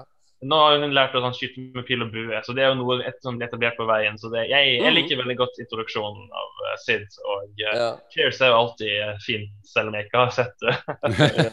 Jeg kan eh, prøve å putte Knut on the spot her. Altså, Omega fikk jo et nytt eh, våpen. Men la du merke til en annen ny ting Omega fikk i episoden her?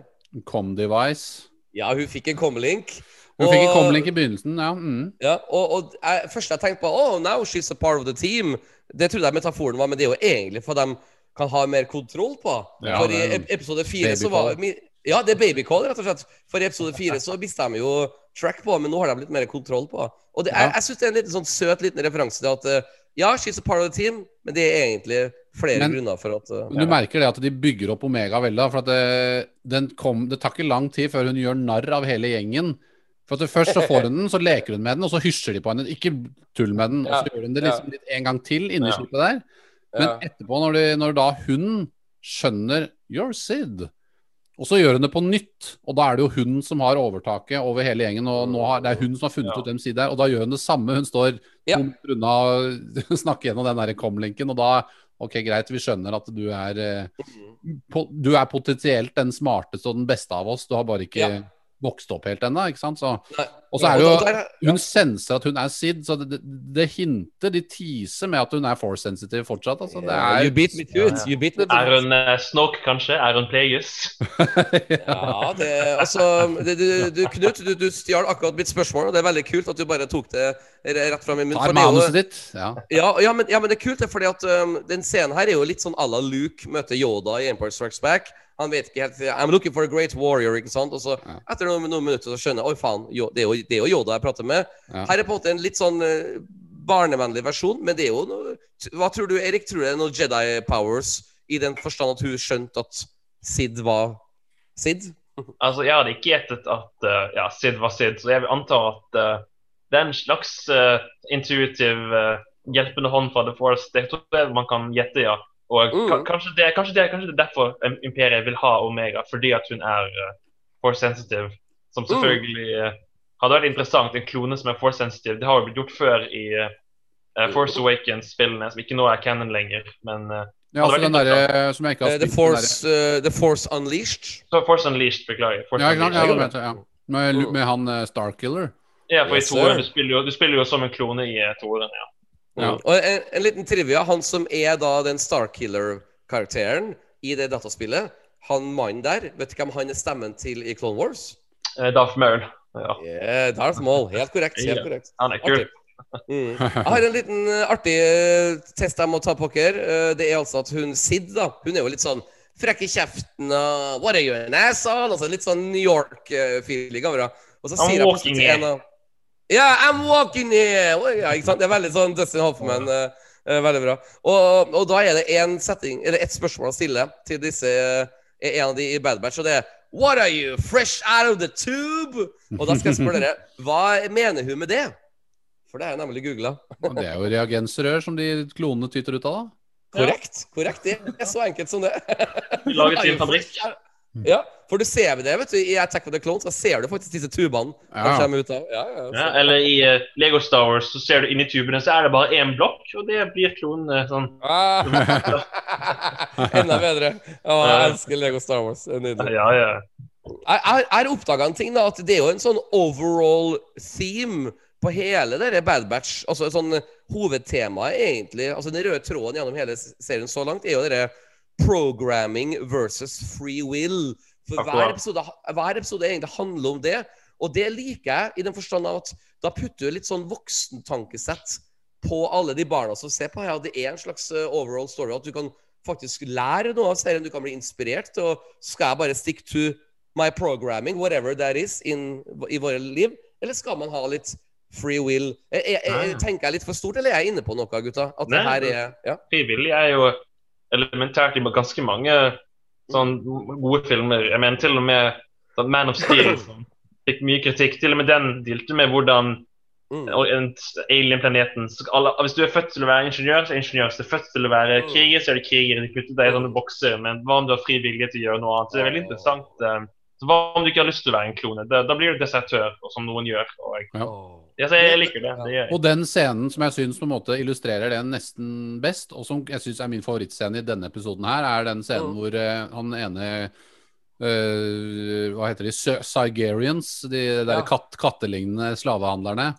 Mm. Når han pisk, står med pisken på Hunter der, og han, du ser han liksom er underdanig eh, Visuelt sett så ser han på en måte litt ut som en slave, da. ikke sant? Og det er jo det de på en måte har vært pre-Order 66. De er jo slags slaver.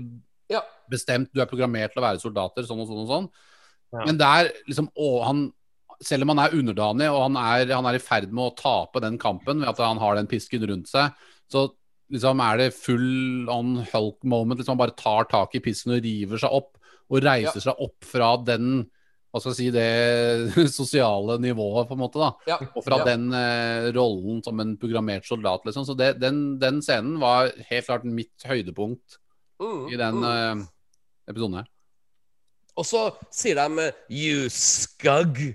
Ja, Det skugg. Ja. Sånn, og det, man kan jo sikkert tolke på mange måter, men ordet skugg har blitt nevnt faktisk i Clone Wars og tidligere. Og det, det er vel et slags eh, Et annet ord for du er en, en slave, på en måte? Eller, eller hva tror dere? Er, det, er, det, er det det ordet Altså, betyr?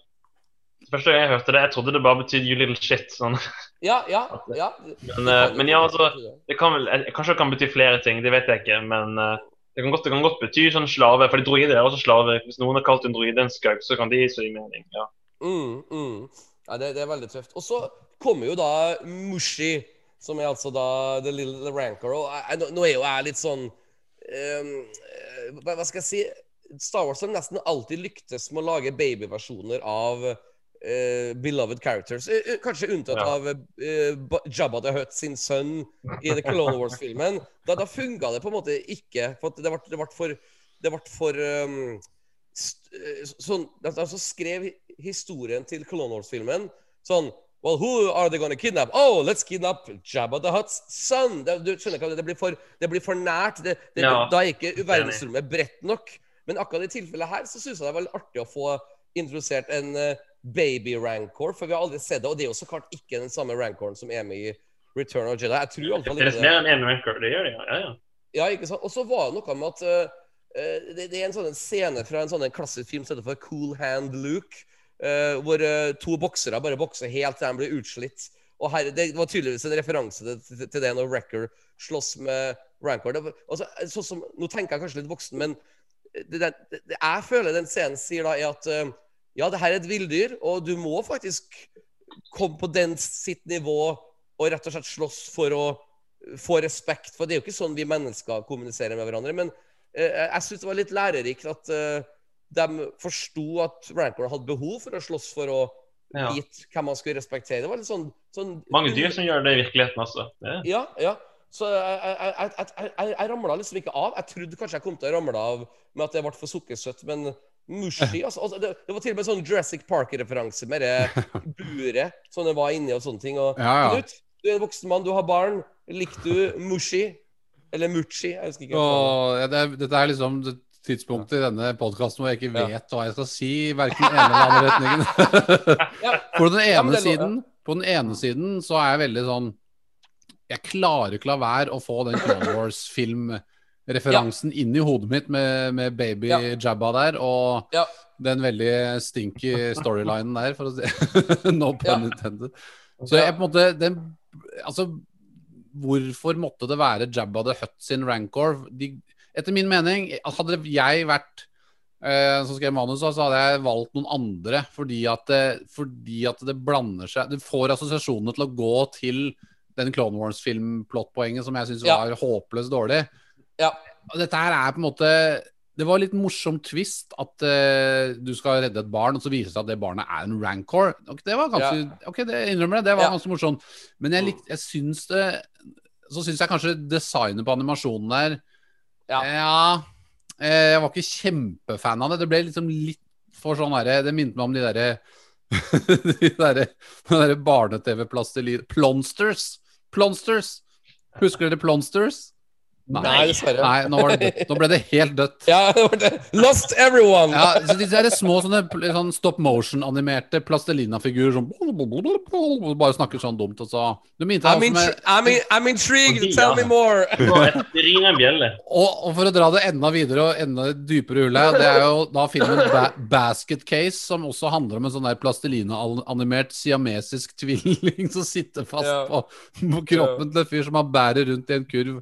Ok, men dette er, det, nå er vi far out her. Men eh, Nei, den nei, nei. eh, Så jeg er litt sånn, jeg er litt Ja. delt på Mucci, egentlig. Jeg, eh, jeg syns det var noe av valgene som var bra, men jeg syns du burde utelatt at det var Jabba sin rancor, jeg, da. Det er, det er litt Ja. der det ble litt Ja. det ble litt det samme som at det ble Hvorfor måtte det være akkurat det? Det ble, det ble litt sånn Ja. dytta inn i trynet på meg, fanservice. Eh, men Jeg, jeg, jeg kan, jeg kan Unnskyld at jeg avbryter, Knut. Jeg skal bare si at jeg er faktisk, tro det eller ei, 100% enig med deg. Selv om jeg hadde en sånn positiv twist på introduksjonen, så må jeg jo si at når jeg merka at det var barnehagestreik forrige uke, og så tenkte jeg oh shit, jeg, jeg, kommer ikke til å få tida til å ha podkast, og så får jeg en stemme i hodet mitt. Ja ja, det var jo bare Mushi-episoden. Altså, du vet, det var, det var ikke Det var ikke liksom decommission, det var ikke episode seks her, altså, vi skal snakke om sånt. Det, det, det blir lett å putte en prat i neste uke om scenen her, for det er jo på en måte en, en enkel episode i den forstand at ja. det, det, ja, vi har snakka mye fint fram til nå, før Morsi-biten kom, men du har dessverre rett, mener jeg, da. Så at, eh, du får ingen eh, arg motargument fra meg. Men hva med du, Erik, som er yngre? yngre?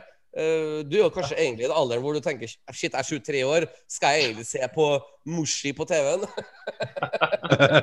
Nei, altså Det er klart, klart at uh, Jeg tror at hvis noen episodene er litt mer barnevennlige, det gjør de mer voksne episodene enda mer episke. Jeg føler at Jeg tror mange folk glemmer at uh, Clone Wars og Rebels og Bad Batch, alle disse seriene, de er jo hovedsakelig sagt rettet mot barn. Ja. Og jeg tror det er viktig å ha et par episoder hvor de f.eks. har en liten sånn uh, liten duell mellom f.eks. Wrecker som bare slåss med denne eh, Rancor. Men det, det synes jeg er veldig underholdende, fordi at vi har sett hvor sterk Rancor er. Så det er Ja. interessant å se han slåss på den faktiske Rancor. Slik at Når du ser en voksen Rancor, du kan tenke wow, en sånn kan du slåss mot hvis den var litt yngre. Det er sånn, Mm. jeg føler det putter det i perspektiv. Han, han slåss mot Rancor og den derre øglen, men han ble feid Ja. av banen av Fennek Shand. Ja, ja, ja. ja, ja. Det, det, sier jo, det sier jo noe om Fennec Shand, vil jeg si. Definitivt. Du, en, en liten digresjon, gutta. Et veldig ledende spørsmål. Er det bare meg, eller er han Wrecker en utrolig eh, flott skrevet karakter? Jeg, jeg tar meg sjøl og liker han mer og mer og mer for hver episode. Han er en veldig likende eh, karakter. Er, er- det bare Ja, jeg som er litt, ja. har en soft spot ja. for han, eller? Nei, jeg liker han. Ja, han er sånn eh, Altså, Det sånn at jeg kan eh, kjøpe en figur av han og ha i studioet mitt, liksom. Du vet. jeg, liksom, jeg, mer, jeg merker at jeg begynner å få medfølelse av han, fordi at han, som vi skal sikkert selvfølgelig snakke om neste Yes. episode også ikke sant? Dette her Yes. med at hans, eh, vi, nå, nå er det helt tydelig at denne inhibitor-chipen hans er i ferd med å kicke inn, og det er noe som skjer der. Så at Ja. eh, medfølelsen for han begynner liksom å bygge seg opp hos meg, for jeg veit at det er noe gærent som kommer til å skje med han. Jeg, jeg, Ja. tror, de, jeg tror de klarer å fikse han. Eh, Ja, Gud, ja. Det tror jeg. Jeg, men, eh, jeg blir lei meg hvis han dør. Det blir jeg. Ja. Ja. men det, Men- det er også en trope til det med eh, Giant with a heart of gold. Sånn soft giant. Ja. Det er en god trope. Det er. Ja. Uh, nå, nå forsvant lyden din bitte litt, Erik. Uh, så hvis du er ja, du ble plutselig mye lavere. Plutselig ble du litt lavere. Ja, du var Nei, det er fortsatt samme. litt Det er et eller annet som eh, akkurat okay, som bare snakker jeg litt høyere. Hører jeg nå? Ja, men det du, du var du har ikke lagt noe oppå mikrofonen eller noe? da? Nei, Eller. Men jeg, jeg, kan, jeg har en annen mikrofon jeg kan prøve å finne fram imens. Så bare Ja. snakk. jeg Ja. Eh, Erik traff et veldig bra po poeng. Altså, A giant with a heart of gold. Altså, er, er du, vet du hva, Nå skal jeg være litt dyp her, Knut, og nå kommer våre podkastlyttere til å eh, si 'herregud, snakker han virkelig om barnehagen nå?' Men i, i barnehagen så har min sønn en jevnaldrende gutt som er to hoder større og er latterlig sterk. Men han er så snill og, og liker å beskytte min sønn. Og det, Ja. he, he's, he's wrecker! He is wrecker! Han han, han er kjempesterk og brutal og must ramler og slår seg. Ja. Theon, must protect ja. Theon, Og must han passer Ja, det, det er virkelig sånn. Og jeg merker at jeg blir jo så glad i han den store, sterke gutten, for han jo Han har et hjerte av gull, liksom. Og Ja. akkurat som at han uh, føler nesten sånn Shit, jeg er stor og sterk, jeg må bare vise at jeg er en snill fyr. Og iallfall Wrecker er som sagt eh, en eh, ja, Jeg bruker ordet genial litt for mye kanskje i podkasten, men en litt sånn genialt skrevet karakter. For at uh, man blir jo glad i altså, jeg, jeg kan se for meg at små, unge jenter som ser på her, blir også glad i Wrecker, Ja. hvis du skjønner hva jeg mener. Han Ja. er liksom sånn Han er en beskyttende karakter, og han, eh, Ja. han, liksom, han gir high five til uh, Omega. Ja, Yes, yes. hun, han er liksom på lag med de, de som på en måte er litt underdanige og svake. ikke sant? Han har en sånn moralsk gullhjerte. Virkelig, altså. Så han har det bygd opp eh, veldig fint. ja. Eh, Erik, har du fått tilbake lyd? Har ikke Hører dere meg nå? Ja, vi, vi hører. Skal vi se, da. Det, det var bare noe rart som skjedde akkurat hvor det plutselig ble litt lavere, men uh, vi skal Det her, her eh, Ja, det, det blir sikkert ordning. Eh, Det her trenger vi uansett ikke til å redigere. Det her er bare koselig å ha med Ja. i podkasten. Men eh, Knut, jeg kan bare spørre deg. eh, Bib Fortuna, may he rest in peace, han er jo med. Og da tenker jeg sånn Når vi skjønner at Bib er med, og han er jo liksom høyrehånda til uh, Jabba the Hutt, fordi at Jabba har jo ikke noen hender. Han har hender, men han har ikke noe he, does, he does not have a dick, tenkte jeg på nå. okay. Men han, han har iallfall bare dårlige hender. Er Og Bib. Fortuna er med. Men da tenker jeg, når, når det er så tydelig at det er liksom Jabba fra liksom, du vet, originaltrilogien, altså fra Tatooine, som skal ha denne Mushi Og da savner jo jeg Rancor-passeren. Han Ja. som har liksom to scener i eh, Return of Jedi som griner når Rancoren dør. Han, han burde så klart vært med. Jeg er enig. Han er jo Eh, eh, hjertet i hele slottet, vet du. Fra palasset. Mm. Skal, skal vi prøve å gjøre noe med lyden, Knut? Til, Kan du skru, bare skru, skru opp enda mer, bare? Du hadde bra lyd, skjønner du, den første timen. Så skal vi se, se. Men jeg skjønner ikke, det er akkurat som det er noen sånne Akkurat som at limiter du som sitter, akkurat som at du sitter på ledningen. Ja. Du er på vannslangen og liksom kniper igjen og vrir om sånn at strålen blir dårlig. Ja, ja, korrekt. Det var, det var det, akkurat den referansen jeg, jeg hadde i hodet mitt. Det var merkelig, for det var ingenting som forandret seg her. Så da Jeg kan bare forlate Zoom og så komme tilbake med en gang og se om det virker. Det, det, det er ganske bra akkurat nå, da. Er du ikke enig, Knut? Altså, sånn, hvis du står Ja. Ja, men det er akkurat som du da bare gjør jeg det. Jeg bare snakker veldig nært mik- mikrofonen. Sånn. Ja. ja. Nå, nå er det bedre. Ok, nå er, ok, Eirik er veldig nær her nå. Han er nesten hjemme hos meg. Ja, ja, we, we, we can feel his presence. We can feel his anger. Ja. Unlimited. Ja. Ja. Men, men i alle fall, eh, jeg, jeg, jeg kan ikke legge skjul lenger på at jeg gleder meg veldig til å snakke om neste episode. Men før vi kommer dit, så må vi jo så klart ha en liten konklusjon, et eh, terningkast. Og vi kan jo starte med deg, Knut. Eh, Du har jo egentlig sagt mye allerede om at du, det her er jo ikke en terningkast seks-episode for deg.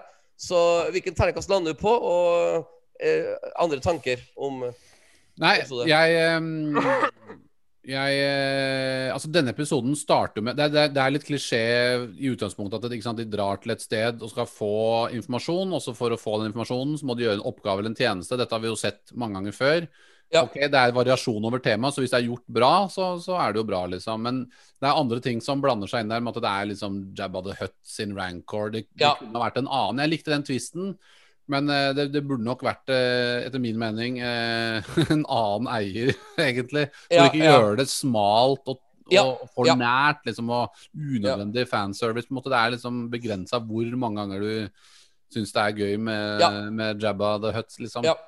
Ja. Samtidig så er det jo, som, som Eirik også sier, det er, det er flere ting som på en måte driver karakterene fremover. ikke sant? Du får Omega i begynnelsen her som Ja. Eh, hun, hun redder jo egentlig hele teamet, så det er jo egentlig en episode som bygger opp Omega ganske mye. Det, det bygger opp også The Bad Batch til en viss grad i form av det at de blir tatt til fange av slavehandlere, men reiser seg opp igjen. Så det er liksom mye symbolikk der. Så det syns jeg var veldig bra. Så jeg liker Sid. Um, Ja. Og øh, Ja, altså vi får jo også vite at det, altså Sid sier at det, hun Fennec Shand sannsynligvis er new to the scene, sier hun jo. Og det betyr at hun er, hun er en veldig fersk bounty hunter, som også betyr at hun er ganske ung. Det Mm. kan også bety at hun kan i teorien kanskje jobbe med Bobafett også, bare for å slenge det Mm. ned. Mm. Men eh, Terningkast? terningkastet er Det blir for meg en eh, ja, sterk treer, tenker jeg det blir. Ja. Da kan jeg være nummer to, og jeg kan jo bare si at jeg er faktisk enig med alt du sier. Ikke for å, jeg er veldig kjedelig debattant i dag, merker jeg. Jeg er bare enig i alt det dere sier. Men, men det, er, det er jo en veldig sånn um, jeg, jeg, jeg, forsnakka meg litt forrige episode og sa at jeg ikke ville ha fillers, men Eirik også tok opp at fillers er ikke nødvendigvis noe, noe, noe dårlig greie så lenge det er, en, det er underholdende og er i og for seg en bra historie som hjelper oss iallfall å komme litt videre. Og det som du sier, altså Omega og Brecker har en fin dialog, og jeg, jeg var i litt sånn neddopa pollenmodus forrige uke, og, og, og jeg flira litt av Rancoren, selv om jeg så det barnlige. Og det minte meg litt for mye om den Clone Wars-filmen. Så, så jeg ender faktisk opp på en latterlig sterk uh, treer. Ja. Og eh, vær så god, Erik. Ja, altså jeg, eh, jeg to, altså for, for grunnen til jeg har gitt you know, god character development, uh, fint å se rancor, god action, liker slave sånn eh, image altså, ikke, jeg, liker ikke slaver-image, nei, nei. Det, jeg, jeg liker sånn uh, met metaforene. Så jeg, jeg gir den en, eh, en firer fordi at den gjør mer For meg gjør den mer riktig enn dårlig. Men jeg er enig i at eh, at eh, det kunne godt vært en annen person som kjøpte den rancoren. For hvis det skal være Jabba som Ja. kjøper rancoren, hvorfor ikke bare gjøre det samme rancor som, Ja. som? Sånn, du, du, det virker Ja. som de vurderte det, men bare ombestemte seg i siste liten. Så Ja. Ja. ja. ja. Gir den- jeg gir den en eh, sånn middels firer i terningkast. Ja. Ja, men det, det er flott. Vi skal nå gå videre til en episode som jeg gleder meg veldig til å prate med. Jeg, jeg kommer sikkert til å skli litt ut, så jeg beklager på forhånd. Men neste episode heter altså for Decommissioned. Det er altså episode seks, om jeg ikke tar helt feil. Og da starter vi som alltid, Knut. Decommissioned. Hva refererer tittelen til? Nå skal vi til segmentet Petter tester Knuts evne til å skjønne Ja, ja, mer ja. betydningen titler. Ja. Nei, det mest åpenbare er jo selvfølgelig at eh, det er jo selvfølgelig Vi drar jo til Corellia og finner masse decommissioned droids. Altså imp imperiet vil jo destruere, makulere alle remnants av eh, separatistene og den krigen og den, den ti Mm. tiden i historien. Ja. Jeg har også en liten følelse av at eh, For det, dette er den episoden hvor vi ser nesten transformasjonen av uh, Wrecker, da. Så jeg fikk nesten en følelse av at han var liksom halvveis decommission der, litt eh, på slutten av episoden. Det er veldig artig at du sier det, for at jeg, jeg begynner å tro at um, de som skriver disse episodene her, de har en liten sånn en eh, greie med at hver tittel skal ha flere referanser. Ja. Uh, for det, det som du sier, altså, de skal hente en tactical droid før den blir decommissioned. Ja. Men jeg merker også at klonene begynner å se på seg sjøl som like uverdig som droids, så, så de også er på en måte Ja, utdaterte. ja. Ja. Utdaterte, ja. ja. Ja. Og ikke minst den siste referansen din. Og det er på en måte Jeg, jeg liker det. It, it, it's a little thinker. Det, det får deg liksom til å um, få deg til å tenke. Og så, og så har du så klart uh, et, uh, Den episoden starter mer eller mindre med at Omega øver med pil og buen. Jeg kaller det for pil og bue. Ja. og, og det er jo litt à la Luke i A New Hope, ikke sant? Og Ja. det er på en måte den der lille distraksjonen hun får av de to andre aliensene, og grunnen for hun Jeg fikk det ikke til fordi de bråka. Jeg, jeg, skjønte jo hva som kom til å komme, men jeg ble likevel glad for at ja, men det det er det distraksjon handler om. Du må igno- og, og så det, jeg tror det er godt for unge barn å lære litt sånne vise ord i en underholdningsanimasjonsserie Så, så, Så Jeg føler virkelig at de er flinke til å holde en balanse med underholdning og øh, kunnskap. Men det jeg egentlig skal si før jeg skal slippe dere til, er at jeg ola meg kjempefeil forrige episode, forrige podkastepisode, fordi at jeg sa at jeg, jeg syns actionscener er litt kjedelig å se på. Og jeg ola meg feil fordi at actionscener er ikke kjedelig å se på hvis det er en story mens det er action. Og i episoden her, The Commission, så føler jeg at de virkelig ja, for å si det rett ut, eh, besto eh, med terningkast seks i å få til et kjempespennende story i flere lag mens det er action. For jeg merka sjøl at jeg kjeda meg ikke et eneste sekund mens jeg så på actionscenene. For det var jo We have to get that thing to get that thing. Og uh, der kom det litt hinder, og der kom det to jenter. Og, og, og så, for å avslutte min lille, eh, lille tale her nå Disse to jentene som dukker opp, som uten tvil var de kjedeligste karakterene i sesong sju av The Clone Wars, Ja. They have redeemed themselves. De var jo kjempeflinke og, og, og kjempeunderholdende. Og da kommer jeg til mitt punchline, og det er jo at det her er jo selve essensen av Star Wars, føler jeg. At de they right the wrong. Altså hver gang noe er dårlig i Star Wars, så er det alltid muligheten til å senere putte inn de dårlige karakterene eller den dårlige plotten Ja. og, og redde det. Og jeg merker at jeg blir så ordentlig glad, for det er jo egentlig det livet vårt handler om. At uh, hvis man gjør noe dritt, så skal man Ja, men let's work on that shit. Let's make it better. Så Star Wars er på en måte essensen av våre liv, i den forstand at de konstant De, de har sikkert hørt på nettet at disse to søstrene fikk masse slakt på sosiale medier. Hey, let's bring them back in and redeem them. Og jeg mener at de klarte det, da. Men nå har jeg skrevet for mye ut. Eh, Eirik, eh, er du enig? Eller forstår du egentlig hva jeg Ja, jeg forstår. Jeg er helt enig i at eh, episoden gjør både en god jobb med action, gjør god jobb med å være underholdende for barn og voksne. Og jeg, jeg liker veldig godt inklusjonen av, um, av Mattes-søstrene, fordi at ja. uh, jeg, jeg føler at de gir mening. at de er der. Hadde det vært et par random Bounty Hunters, de hadde bare blitt sånn Da, da kunne bare heltene våre skutt dem. Men siden det er Mattes-søstrene, tenker nei, ikke skyt dem. De er kind of good, kind of bad. Og og da, det, legger, det legger til litt ekstra tension, fordi at um, For det her er vel etter uh, det som skjedde i Clone Wars. Så da Ja. Ja. ja, akkurat, så da, da vil jeg, jeg vil jo gjerne at kanskje at Ahsoka f.eks. møter Exactly. på meg i Ahsoka-serien. så ja. Det, det var jo egentlig det jeg skulle hinte til. At det, de, de Ja, ja. hinter jo også til i episoden her at det kanskje Asoka dukker opp faktisk i The Bad Batch. Og, Mm, Ja, men det, samtidig som de Jeg la merke til at når jeg så den andre gang, så sier de, så sier de jo 'patch him through', sier de. Ja. Når, når de skal, eh, når de skal sende, overføre det der hologrammet på slutten. Ah, my bad. My bad. Det kan være Rex snakker om det, siden uh, han skal Ja. kanskje være med i sesongen. Ja. Ja, det kan være Rex, det kan være Bale Organa, eller det kan være Jeg Ja. tenkte først Mon Mothma, men uh, vi måtte si him, da, så kan det jo ikke være henne. Men uh, det er jo helt tydelig at det er uh, liksom spiren til The Rebellion her, da. Ja. Det det, det, vet Og da er det jo veldig sannsynlig at Bale Organa er involvert. Det kan være Obi-Wan Kenobi også, eller Rex. Det er jo mulig. So maybe Organa will bail them out? Oh my God. komme.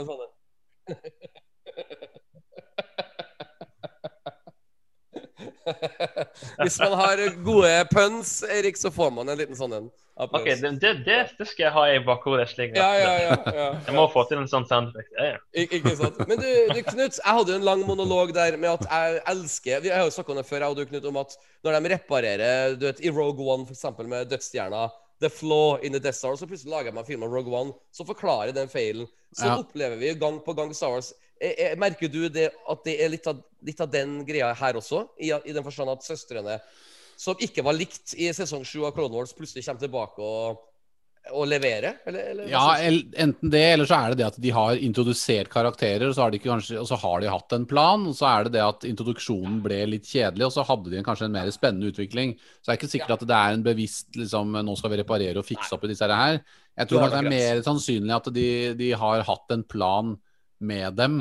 Eh, for Og- og- episode syv er jo mye mer kobla sammen med episode åtte. Nei, jeg mener nei, er sesong syv og sesong åtte. Det er jo tross alt eh, liksom, hva var det, åtte år mellom sesong seks og syv i, i produksjonen, liksom. Ja, ja. siste- siste- og, så, så, så her, eh, her har de helt klart hatt noen ideer og noen, noen Ja. helhetlige tanker om hvordan de skal uh, ende opp, da. Og, og før Eirik spør eh, Knut sa nettopp sesong åtte, og det, det gre- greia at jeg og Knut vi kaller The Bad Batch for Clone Wars sesong Ja. åtte. i tilfelle ja. Ja, ja, Så- men det er jo en sånn spirituell eh, oppfølger, det kan man si. Ja, Ja, absolutt. Og jeg, jeg må jo også si, Knut, at du har jo rett for at når de laga da sesong 7 så mange år senere, så gjorde de jo eh, den, det, det er tre historier med fire episoder hver. De første fire episodene var jo Bad Batch, Ja. handla om dem. Og så kom det fire episoder med søstrene, og så var det da fire episoder med Asoka. Ja. Og, og, og da føler jeg liksom at kanskje alle de tre-fire episoderne eh, blir en slags eh, oppbygning til The Bad Batch. Og det virker jo sånn. Så kanskje Asoka også da dukker opp siden hun Ja, ja, hun kommer til å dukke opp, altså. Men eh, det, jeg tror, det virka ikke som det var henne vi så i det hologrammet. da Det er jo tydeligvis en mann, da. Så Nei, er liksom, ja. mm -mm. Jeg mistenker er at Disney trans. har lyst til å spare litt på Asoka, tror jeg, siden eh, kanskje, de, de har brukt Asoka mye i det siste. De har kanskje lyst til å spare på en jeg vet ikke. Ja, det, Ja, det kan, det kan hende. De, har- de har jo allerede hatt henne i sesong syv, ikke sant? så de har allerede fått eksponert den karakteren en del, Ja. både i animasjon og, og, ja. og live action. Men det er jo dette her Disney liker å gjøre nå. De liker å ha både animasjon og for å liksom få mest mulig seere Ja. på begge plattformer der, så Ja, og så var jo noe med det vennskapet de søstrene fikk med Asoka òg, som kan på en måte være litt relevant til å ha tilbake. Um, eh, vet dere forresten at planeten Corellia, som dere så klart vet, Han Solo var jo der eh, Eller kommer derfra, og han, den planeten dukker opp i solofilmen. Men den planeten er litt unik, for det er jo på en måte um, den planeten hvor imperiet bygger sine, mange av sine skip. ja, ja. Så at, eh, sånn sett så har du på en måte en veldig sånn en retro vintage Star Wars-referanse Veldig. eh, bare der. Og så har du jo fabrikken, da. Og de gjør, den fabrikken gjør jo det motsatte av den, hva den fabrikken i Attack of the Clothes gjorde. Det er Ja. Og det, er- jeg, jeg liker It's like poetry. It rhymes. Ja. Altså, Hvis du prøver hardt nok, så rimer alt i Star Wars med noe Yes. som kom tidligere. Absolutt Yes. alt. Absolutt alt. Men det, det, det, forskjellen er bare at den scenen her er faktisk litt kulere, egentlig, enn den i Attack of the Clones. Eh, fordi at det er Litt fordi at du har de Martes-søstrene, som, eh, som du føler Du veit jo at de på en måte sannsynligvis jobber for the good guys, ikke sant? så du Mm, får en liten mm. sånn eh, spenning der.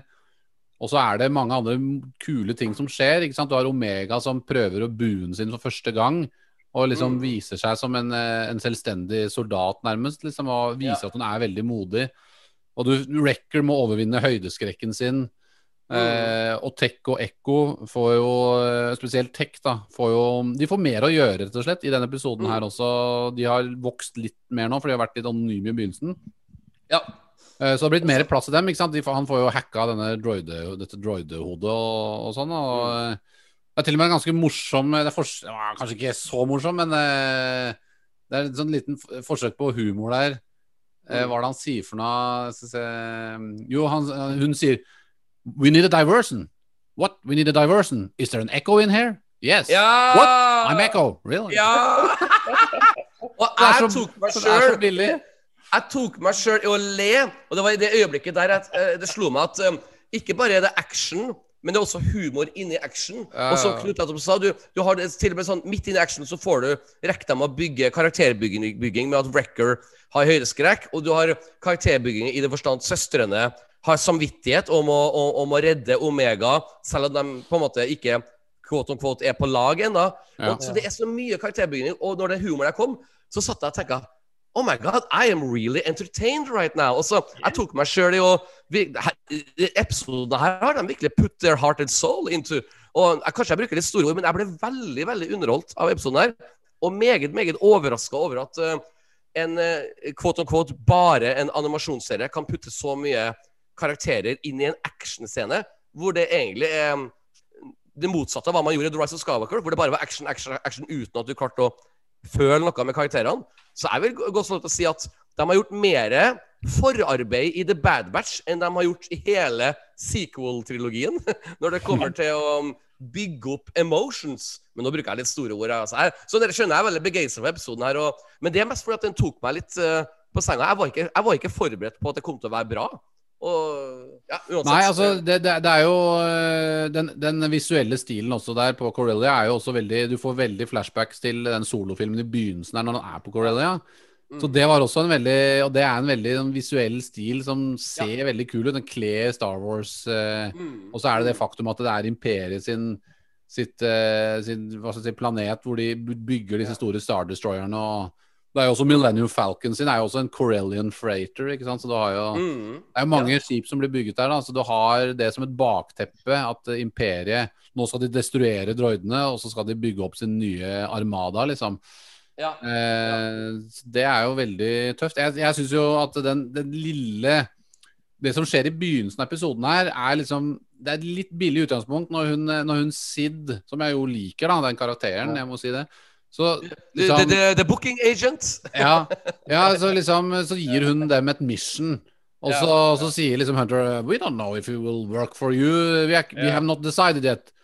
I, you're in, sier hun bare, liksom. Og så, ok, greit. Så gjør de et mission som de egentlig Hva er det de får tilbake for det? Annet enn de får noe penger, og de lærer seg å jobbe sammen. Men det kommer liksom ikke Det er ikke sånn veldig sånn ja. ja, det er litt sånn, det er litt billig og litt enkelt. Og så gjør det, er det jo litt det samme som forrige episode. At, at Sid gir dem et oppdrag, og så må de gjøre det, liksom. Og så er det liksom Ja. ikke helt Så det, det var den store Egentlig den svakheten jeg fant i den episoden der som jeg irriterte meg litt over. Men så når de kommer til Corellia, derfra ut, Ja. uh, så er det liksom uh, spot on. Ja, det, det er veldig Star Wars. Jeg, jeg, jeg, jeg tok meg sjøl og tenkte I'm watching Star Wars right now. Når de kom Ja. til Corella. For det var Jeg er du ikke enig, Erik? Det Ja, visuelle så- aspektet er jo veldig Jeg er vel enig i at uh, den episoden var den mest Star Wars-aktige episoden på lenge. For den har estetikk fra prequel-æraen. Den har Mm. eh, selve lokasjonen fra originaltrilogien. Og på toppen av he hele så har du karakterer både fra Bad Batch og Clone Wars. Det er liksom absolutt alt Star Wars-relatert i én Mm. fin uh, episode med action og humor. Og ja, en ganske solid episode. Og en stor teaser på slutten også, i tillegg, ikke sant? Så Nei, Det kan ikke ha en uh, Star Wars-episode uten en liten teaser med en kappekledd uh, individ på slutten. Og så får vi jo se at helt også i begynnelsen her at hun Sid hun er rimelig vass med buen. Så hun, eh, Ja! hun har jo kamperfaring. Det fikk meg også til å tenke at hun muligens får vi se seinere i sesongen Ja, ja. også. Altså, det er jo Chekhovs uh, bow and arrow right there. Så. Ja. Ja, ja, altså, hun, hun har vært ute en vinternatt før. Hun har vært Ja. på Hoth, for å si det Det sånn. er jo, det er jo mammaen til Bosk. Ja, det- Ok, hvis det er plottvisten på slutten av serien, Ja, da, da Da skal vi ha en rant, uh, rant-podkast uten snille emojis. ja. Du, jeg kom på en ting akkurat nå når vi snakka om Asoka i stad. Det er en, helt på slutten av episoden så ser vi jo en droide som er sånn halvt rosa, halvt grønn.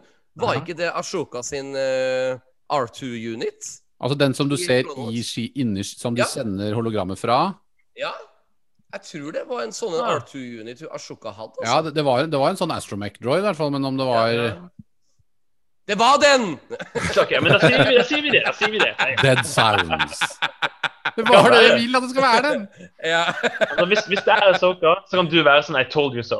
I told you so! ja. I, I'm not gonna say I told you so, but I did bloody tell you so. Ja.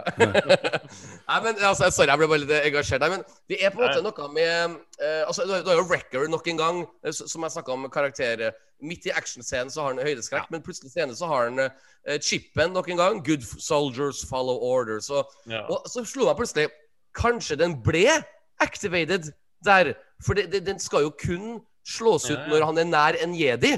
Så han, han skal jo ikke bare begynne å drepe sine kompiser, for det er jo kun jedier man skal drepe med Order 66. Så kanskje den har blitt activated. Så neste gang han er i samme rom som en Jedi, så Exactly.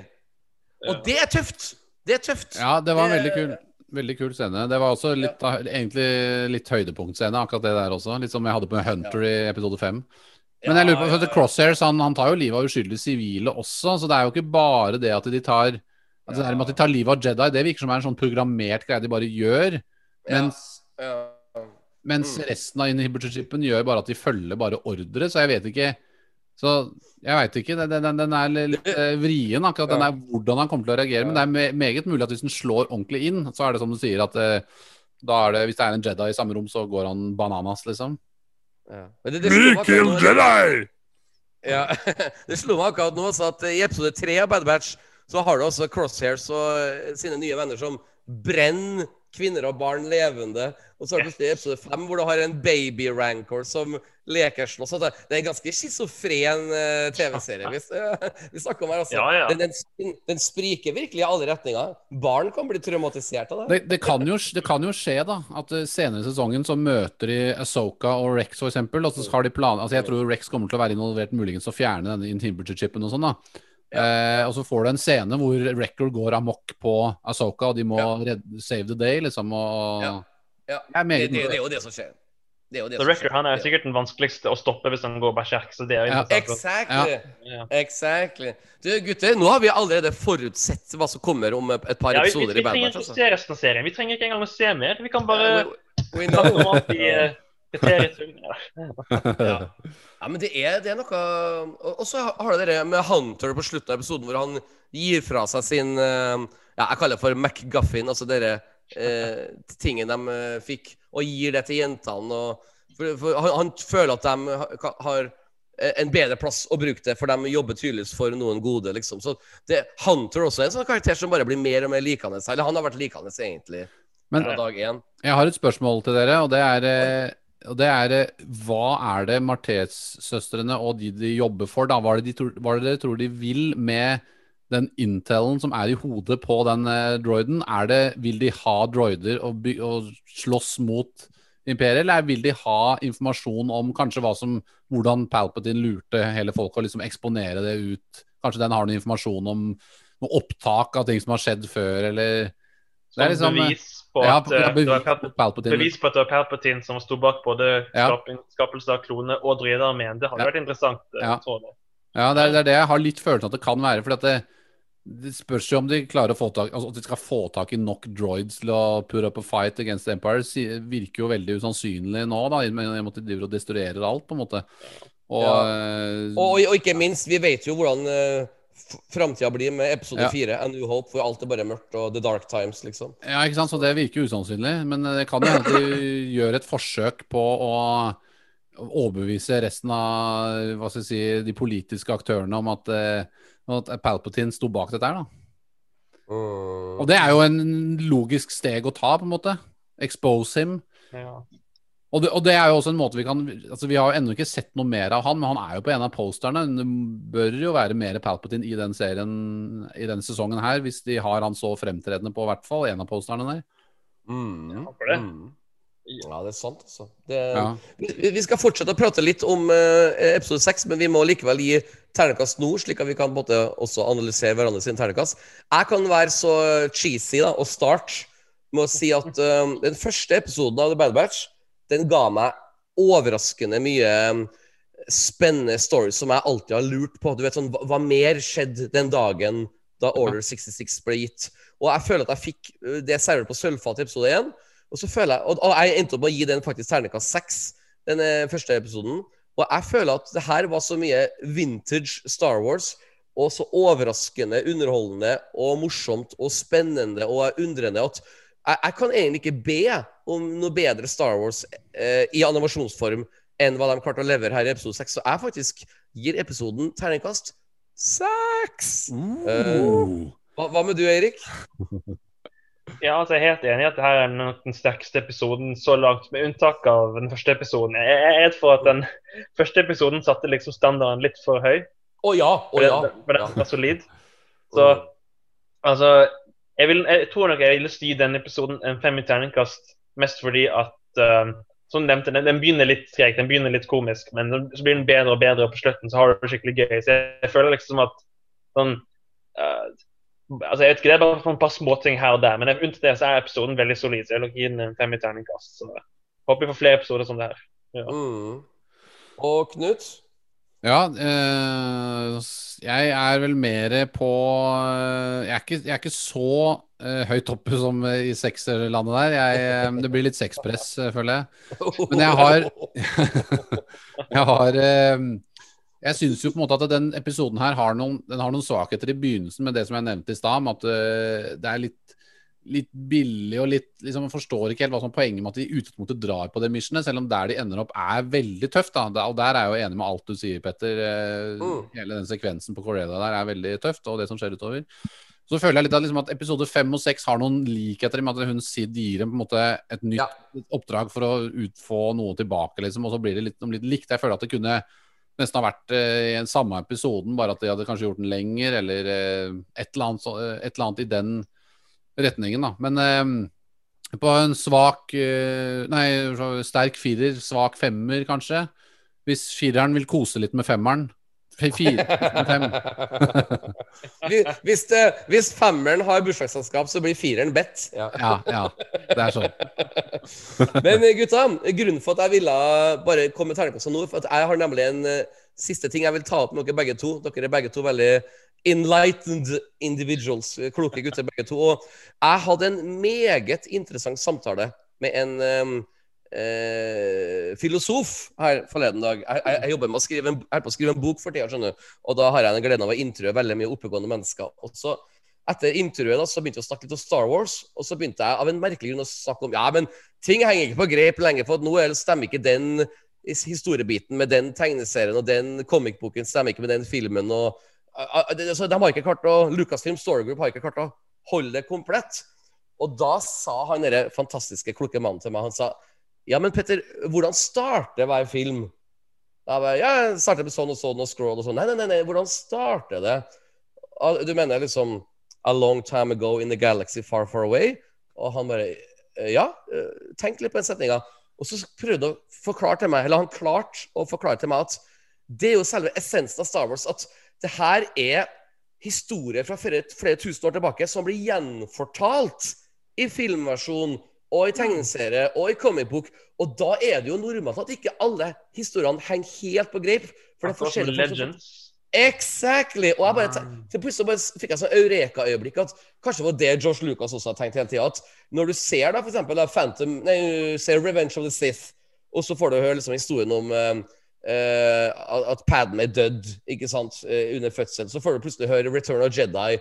At Leia sier oh, 'She died when I was very young'. Og, og så, det, det henger ikke helt på grep. Og så Nei. sa han der filosofen til meg at ja, men det er jo det som er essensen med historier som er 1000 år gamle. At de blir fortalt gjennom historier, og så plutselig sklir de litt ut fra hverandre. Sånn som Bibelen med alle forskjellige versjoner eh, som i, kapitlene der, og, og, altså evangelier og sånne ting. Og så plutselig slår meg at det er jo det egentlig Star Wars er. Vi blir fortalt historier som er flere tusen år gammelt fra et annet, annet univers, og da er det ikke noe rart at ting ikke henger 100 sammen. Høres det her ut som en dårlig unnskyldning, eller er det noe logikk? Jeg kan spørre deg, Erik, først. Skjønner du egentlig hva han filosofen prøvde å forklare meg? Ja, ja. altså jeg, jeg skjønner hva du mener. Altså På den ene siden så kan det være en god forklaring på hvorfor noen ting ikke alltid passer med hverandre. Mm, mm. Altså, jeg, jeg tror ikke det er det Lucasfilm akkurat nå tenker. Jeg tror, jeg tror ikke det er deres tanke. Jeg tror, jeg tror Lucasfilm akkurat nå vil ha en ganske klar uh, sånn definisjon av hva som er canon, ikke canon. Alt som er canon, det skal være å følge en slags sånn struktur, og alt skal passe som, som et puslespill. Mm. Men om det, om, det, om det var det Lucas tenkte, det er en interessant teori. Fordi at hvis, fordi jeg har alltid lurt på hvorfor. Hvorfor var det tusenvis av år kort inn? Altså, hvorfor er det her uh, long, long time ago? Hvorfor kan ikke det her bare være, være sitt eget univers? Men nei, sånn, Mm. det er virkelig så, så lenge siden at vi har sånn, ja, forskjellige versjoner. Vi har, så mye, vi har så mye forskjellig kunst vi kan bruke til å få se disse historiene og få høre disse historiene. og Det er veldig interessant. Så, så jeg har ikke svar, men jeg synes det er en veldig interessant problemstilling. Det er jeg helt enig i. Så det er, Mm. Jeg tror, du, jeg, jeg, tror, jeg tror ikke George Lucas har tenkt den filosofiske tanken, men jeg tror han har tenkt at eh, den setningen For det første så er den ekstremt kreativ, og den er også litt sånn Den slår deg litt sånn i villrede for lenge siden. Ja. Den setningen aleine, den får deg til å svelge og akseptere all, mer ting som skjer underveis. Altså, man, kunstnerne gir seg selv Det er en template for kreativ freedom, da. Eh, så det er, både, det er- en smartness i det, både sånn fortellermessig, men også at de gir seg selv mye kreativ frihet. Eh, Men den, den, den filosofiske betraktningen han kompisen har, den er jo interessant og morsom, men jeg tror ikke jeg tror nok ikke de har tenkt det i utgangspunktet. Eh, det tror jeg ikke. Mm. Men jeg, jeg, jeg tror at for meg så er jo den setningen Den er jo genial. Fordi at den, den, gir deg, den gir deg enorm frihet, rett og slett. Ja. Til å fortelle hva du vil. Og det er, det er på en måte Mm. vanskeligere for et publikum å stille et spørsmål The Force, hva faen er det? Men ok, det er Mm. Hvorfor er det ikke som sier, hvorfor er det ikke langt frem i tid? Hvorfor er det langt Ja. bak i tid? Liksom, og det, er- det, er Mm. nesten, det er nesten som de liksom kødder litt med huet ditt da, før du går inn i filmen, på en måte. Ja, ja, ja. Ja nydelig. nydelig. Det var for øvrig Stian Karstensen som var filosofen. Det er altså en eh, musiker som står bak bandet Farmers Market, som har gått mange filosofiske runder med sitt liv. Du, du, du kjenner sikkert til henne, Knut? Ja, ja, jeg har spilt med han en gang, og jeg har spilt eh, Har det? Don't Stop Till You Get Enough av Michael Jackson i veldig, høy, i veldig høyt tempo. Er, Så når vi, han, ja, han liksom sa til oss at vi skal spille litt, den låta skal spille litt, litt, litt opp i tempo, og så Som Farmers Market-stil. Da var spilt en gitar, da. Ja, ja. Oh my god. Nei, det var Nei, vi, vi endte opp med å prate eh, en time ekstra bare for at han hadde så mye eh, dype filosofiske tanker om, om alt, egentlig, og om livet generelt. Og jeg, jeg er en liten sånn svamp jeg, når jeg snakker med folk som er klokere enn meg. snakker er- alltid en time ekstra. Ja, jeg, jeg, jeg, ja, jeg gjør det. Men, men jeg, jeg, jeg er veldig veldig sulten på god dialog, merker jeg. Spesielt i disse pandemitider. Så elsker jeg, og ikke minst det her, å prate med dere to akkurat nå, syns jeg er superkoselig. altså, Virkelig. Og jeg må jo si, Erik, at du har jo vært et eh, meget positivt tilskudd til vår podkast, og vi vil mer enn gjerne invitere deg tilbake en gang hvis du har lyst til å Ja, prate mer. tusen takk. Klart det. Det setter jeg pris på. Det er det er Veldig ung og veldig kjekk og veldig reflektert. Jeg kan Ja. komme med nye perspektiver på spesielt alt som er nytt, siden eh, jeg Ja. vokste opp så tett med spesielt den nyeste trilogien. Sånn, det er den jeg er Mm. nærmest akkurat nå.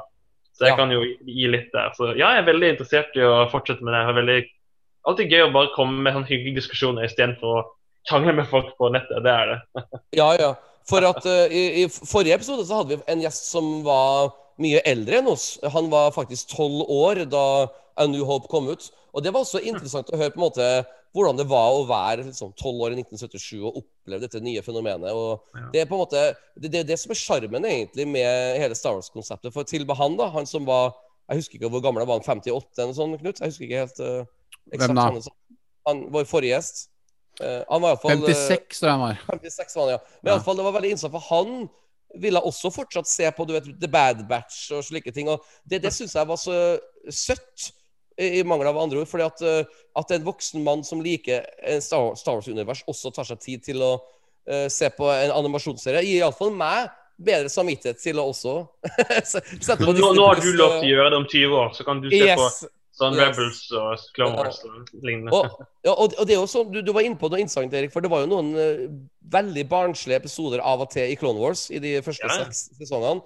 Og hvor jeg satt og bare tenkte å herregud, hva er jeg kaster bort en halvtime på nå? Men jeg er veldig glad for at jeg har sett alt minst én gang. Og så vil jo så klart eh, komme sånne flotte lister vet du, i framtida hvor eh, Se den episoden her, ikke se de tre, se det her. Og eksempel den eh, episoden vi har snakka om i dag, den episode seks, den kommer garantert til å komme på en sånn topp fem-liste over de beste Bad Batch-episodene du må se. Du vet, Mest sånn sannsynlig. Ja. ti år fra nå av, så vil jeg tro Ja, ja. det. Altså, for at den Og så må man jo tenke på det at uh, altså Foreløpig så syns jeg den Mucci-episoden er den svakeste Ja. i denne serien, da, etter min personlige mening. da.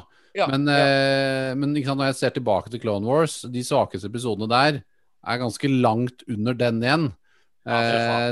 Det sier noe om den serien her, da. Eh, at den har, en, den har på en en jevn kvalitet. En, eh, et uttrykk som, som bare som, som oser mer kvalitet, da. Og Mm. jeg, jeg, jeg merker jo bare at det er Bare når den der Bad Batch-gjengen bare går i en gate helt i begynnelsen av Det var vel episode fem, tror jeg. Så bare, det bare ser så stilig ut når de bare går bortover, liksom. For det er en sånn Du er så knytta til den gjengen, er så lurer på hva som skjer med dem. og Ja. Eh, det, det er liksom en mye mer intim eh, historie også midt oppi det hele enn det ofte Clone Wars var, da. Som Ja. følger så mange karakterer og storylines rundt omkring, og det er store episke krigslag og Her er det mer liksom eh, imperiets overtakelse overtagelse av universet, og, som et bakteppe Den historien fortelles som et bakteppe, og så har du liksom Mm. Ja. Clone Wars sin, eh, sin story som fortelles liksom parallelt med det, og de skal finne sin vei i galaksen og sin, sin rolle midt oppi alt dette her. Og det, er, det, det funker veldig bra. altså, Det er veldig nydelig sagt. Jeg føler at eh, nå, nå er jeg litt dra drama queen her, så unnskyld på forhånd, men når Trump ble president, så jeg, jeg, jeg vil tro at det gikk sterkere inn på meg enn den vanlige mannen i gata. For jeg, jeg var litt sånn, litt sånn forstyrra der i fire år, for jeg, jeg brukte så lang tid på å komme over sjokket over at en så merkelig mann, for å bruke et fint ord, plutselig var the leader of the free world. Og da Ja. følte jeg på en måte at jeg var i en slags Bad Batch-episode, for å si det før. Da, da var jo ikke Bad Batch laga, men du vet sånn nå, nå lever jeg i en tid hvor faktisk Trump er fuckings president. Altså, om 50 år fra nå så vil folk snakke om Do you- remember 2016, 17, 18, 19? Trump was president! Altså, skjønner sånn, altså, jeg, folk vil jo snakke om det som the dark times, liksom. Og nå som vi er ute av det, er bare Åh, oh, gud. Uh, we won, liksom. i alle fall. Ja, ja. Alt er bedre nå, liksom. Og jeg føler liksom at det er det The Bad Batch handler om. at De tråkker nå i en sånn nazi-okkupert eh, verdensrom. Og det, og det er jo selvsagt enda mer ekstremt enn eh, de fire årene med Trump, så klart. Men det er på en måte, den, eh, som Knut sa, den essensen av at eh, The Bad Batch vandrer i en, i en tid hvor de ikke er velkommen. Og det, det bakteppet er litt sånn spennende. Så uh, uh, Clone Wars, da var det krig, men dette her er sånn etterkrigstid, og det er egentlig på mange måter enda mer spennende. Så jeg skjønner godt hva Knut uh, sier der, altså. Det, Ja. Det er veldig intriguing, hele, hele opplegget der. Så det, det, det er veldig spennende å se hva som skjer. Nå er det vel ti episoder igjen, tror jeg. ja. Jeg tror det, altså. Jeg Så tror, jeg tror det. det er jo en stund til fortsatt vi kommer inn til liksom the core of the plot her. Men, Ja. eh, så, men de har jo hatt for vane å ha da fire episoder som liksom virkelig I hvert fall i sesong syv der, da, Clone Wars. En sånn lang Ja. ark, og det tror jeg vi får her. Altså. Jeg tror vi får en rimelig Ja. episk Altså, det har vel- ikke vært noe snakk om noen sesong to enda? Eh, ikke som jeg vet. jeg har hørt. Eh, det har vært mye snakk om mye annet ting, blant annet en sånn Ja. Zack Snyder har vært ute og sagt at han skulle lage en Star Wars-film. Har- Leser dere det? Ja, jeg leste om det, men nå Ja. han, skal han visst bare gjøre det om til en uh, science fiction-film Ja, ja, som er utenfor Star Wars-universet. Men jeg, jeg, jeg merker at jeg blir veldig spent på scenen. Jeg har jo litt forkjærlighet for Zack Snyder. Ja, ja, jeg også. Jeg liker. Man of Steel, for eksempel, er jo en av mine Oh. favorittfilmer eh, fra den sjangeren. i hvert fall, Og jeg syns jo Ja. Snyder stort sett er veldig kul, egentlig. Han er jo veldig Jeg ville likt å sett hva han hadde gjort i Star Wars-lekegrinden med sin stil. Ja, Det- ja, ja. Eh, og det var jo det Lucasfilm hadde lyst til også. Ja, Eller de. Så det var en kort prat der mellom dem. Så Eh, skikkelig digresjon her. Vet du hva jeg har lyst til å prøve å få til en gang på podkasten her? Jeg har lyst til å invitere to personer som hater Man of Steel. Og så kan vi ha en totimers interessant debatt. For jeg elsker nemlig Man of Steel. Seks år så, jeg er så spent på hva egentlig folk hater med den. Eh, jeg, jeg kan forstå noen elementer, at det blir litt for mye action og drap siste halvtimen der, men som Men- men en det- film men- så er det det- det mesterverk, mener jeg. Men det er jo sånn som eh, Eirik sa tidligere i podkasten, det er på en måte ikke Det er valg, kunstneriske valg gjort i filmen som motsier hva folk har lyst til. Det betyr ikke at det er dårlig. Det er det samme som nei. du liksom Ja, ja. hvis, hvis, hvis du, Petter, elsker funk, og så spiller jeg en jævlig bra cha-cha-cha-låt, liksom, så er jo ikke den Ja, ja. dårlig bare fordi du liker Nei. funk, på en måte. Nei, nei. Så det er liksom eh, Altså, For, for å sammenligne Man of Steel med f.eks. Star Wars Jeg tror at uh, måten Supermann er karakterisert i Man of Steel, er ganske likt hvordan Luke er karakterisert i Last Jedi. Veldig Mm. omvendt av hva folk vil ha, veldig omvendt av hva folk Ja. forventet. Og begge karakterene er mye mørkere enn tidligere. Jeg tror tidligere erfaringer har mye å si. Det tror jeg, ja. ja, det er, ja. Og, og så på toppen så har du liksom Henry Cavill, som er en latterlig bra skuespiller, som bare gjør veldig Ja, ja. lite i ansiktet, men likevel så gjør han tusen ting. Jeg, altså, jeg har studert teater, og Henry Cavill er egentlig en sånn en Sånn eliteskuespiller. Folk vet ikke, for folk, Ja, folk, blir så for, ja, blir så forstyrra av det kjekke fjeset og den sterke, de store musklene. Men som skuespiller Altså, he's Shakespearean good. Virkelig, altså. Han ja, ja, ja, jeg digger Henry Eh, Cavill. Ja, ja, ja. Det, uh, Ja. han- Hans eh, framtid, og herregud, som skuespiller Han, han, han skjønner å bli en sånn mannlig uh, Hva heter hun? Meryl Streep. Altså, han kommer til å gå den veien altså, som skuespiller. Ja, Ja, ja. når du kan gjøre sånne type litt mer Shakespearean roller, roller og, så kan du Roller, også, og så kan du også være en, en sånn uh, beefed up action-helt, liksom, med Ja. Schwarzenegger-kropp, Ja, rett og slett. Ja, og, det er helt vilt. Er- og så er han jo veldig down to earth. Da. Han er jo gamer også. Han er Han, gamer, han har jo lagt ut en video av seg selv. Han bygger, PC med, til musikk av Barry White, for eksempel. Ja, ja, ja, ja, ja. Den derre- Også- hvilken- Hva heter den låta? uh, you're my first, my last, my Ja, everything. ja, You're My First my Den låta spilte han oppå mens han bygde PC. Ja. Det er herlig. Ja, og så er Og, han, like- og, og, og ikke bare det, det, han spiller jo The Witcher. Ja, ja. Og måten han fikk den rollen på, var jo at han eh, For han var jo stor fan av dataspillet The Witcher 3, som han hadde spilt. ja. Og så ja. ba han agent, så hadde han fått nyss i at noen skulle lage en Witcher-serie, så han ba agenten sin liksom putte inn noen gode ord for, eh, Ja, for, ja. putte inn noen gode ord for meg til eh, Ja. produksjonen der. Og så Ja. fikk han rollen. Nei, fantastisk, altså. Du, Eirik. Det.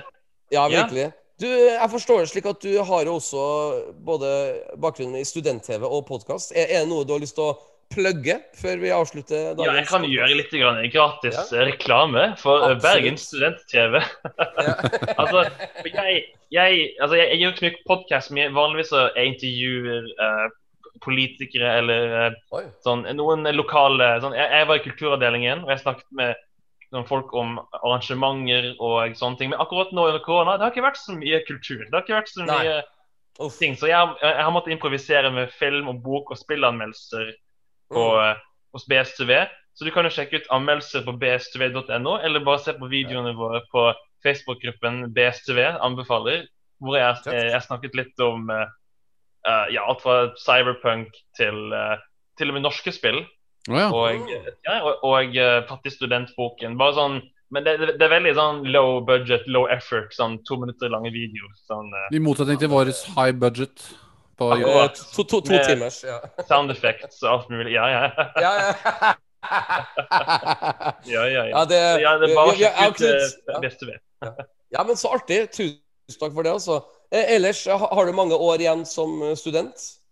Faktisk er jeg akkurat nå blitt ferdig med min eh, bachelor i digital kultur. Oi. Ja, så Oi. offisielt uh, professor. Bad, bad. Jeg er ikke professor ennå, tror jeg, men jeg, vurd, jeg vurderer å ta master, eh, kanskje. Men det får vi se på. Ja. Du er ikke en bad bachelor? Oh, oh, det, det, det Play it, play it. Play it. Ah, ok, ja, det må, det må vi gjøre. Så,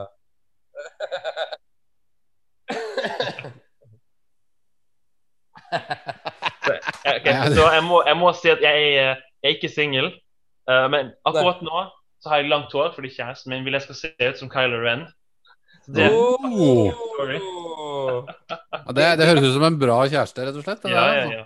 Ja, ja, Jeg hadde aldri altså. fått et sånt spørsmål. Liksom, Knut, kan ikke du være litt som Luke Skywalker i dag? Jeg, jeg spurte fruen Bad boy-estetikken til Anakin og Kylo Ren. Det er sånn Ja, ja, ja, ja. ja, ja, Er du gal? Det er jo tøft. Det er jo virkelig tøft, altså. Virkelig. Ja, ja, ja. Og, og et siste spørsmål som kanskje er litt rart. Det er jo um, Nå har vi hatt pandemi i ett og et halvt år. Hvordan har det gått utover eh, studiene og eh, livet til en 22-23 år gammel eh, ung gutt? Det har vært veldig kjedelig. Ja. Um, jeg har et par venner som går på bursdager og går på fester, og de er sånn 'Å, Eirik, du kan bli med.' Og jeg er sånn eh, 'Nei, vent litt.' Sånn. Fordi Mm. min, min samboer har jo astma, så jeg vil lyst til å være ekstra forsiktig. Mm. Og samboeren får da vaksine neste uke, faktisk. Så da kan jeg kanskje begynne å slappe av. Men det har vært Ja. over et år med mye, Mye mye være hjemme, jobbe litt hjemmefra med studier. Alle, alle studiene har vært via Zoom. Og Ja. jeg, var, jeg var på Wow. forelesning i begynnelsen. For det var sånn 'Å, nå er det trygt, nå kan dere komme tilbake.' Så jeg kom på forelesning. Og så fikk jeg Mm. beskjed personen satt ved siden av meg. Han hadde vært på en fest med noen som var covid-positive. Åh.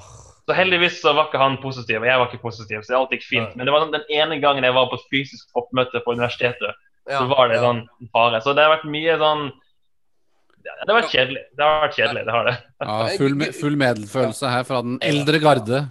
Ja, altså.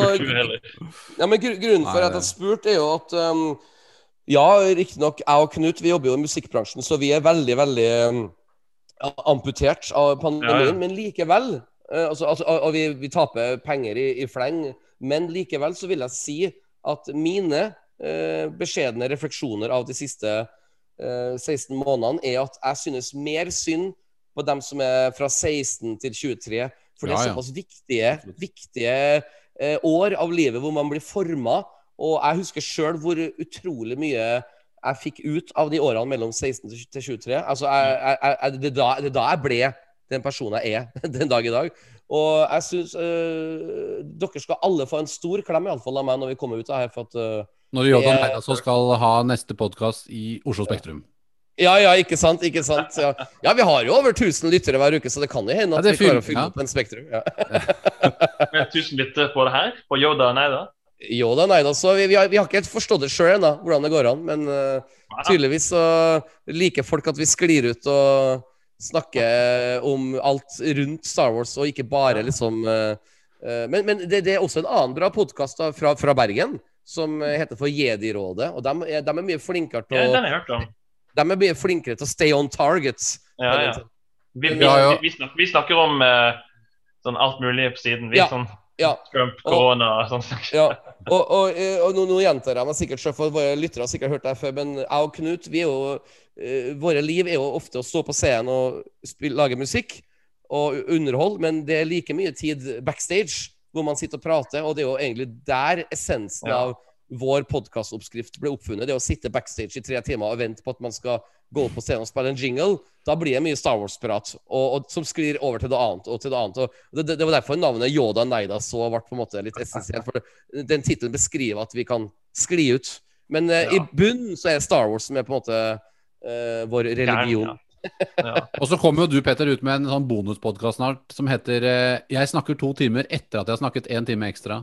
Ja, ja, ja, og det, det skal du vite, Erik. At av og til når vi sier ha det til vår gjest, så må jo jeg og Knut catch up med hvordan siste Ja. uka har vært. Og, og det burde egentlig vært en podkast i seg sjøl, men eh, jeg tror ikke vi får 1000 lyttere på det, altså.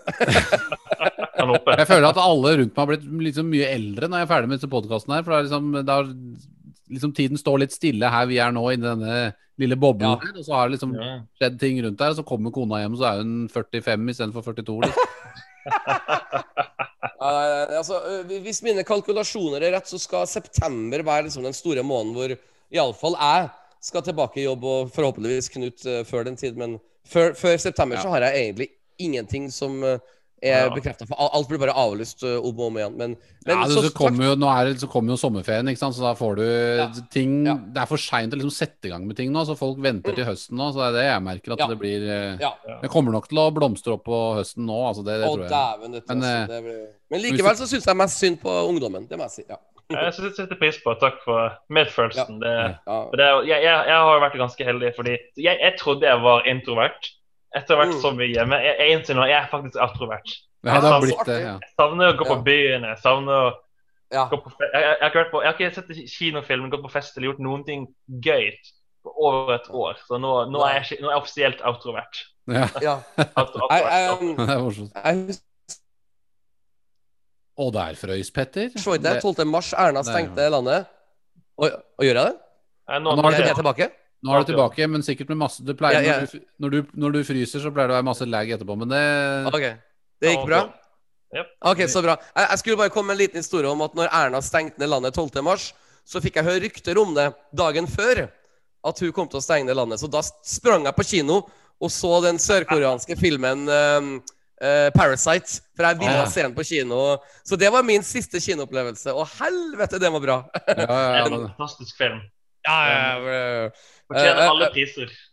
Og ja, ja, altså, jeg må jo ærlig innrømme at jeg tok liksom tre-fire av de slags uh, subtile referanser de skulle ta opp som tomtema. Men når jeg gikk på YouTube da jeg kom hjem og fikk høre ti flere grunner for at filmen er bra, så bare Oh my God, I missed everything. For det, den er jo så dyp på, på flere nivå. Du har sett den, Knut? Nei, jeg har ikke sett den, men jeg kjenner, kjenner godt til den. Jeg har, har, den på, har den på lista mi, liksom.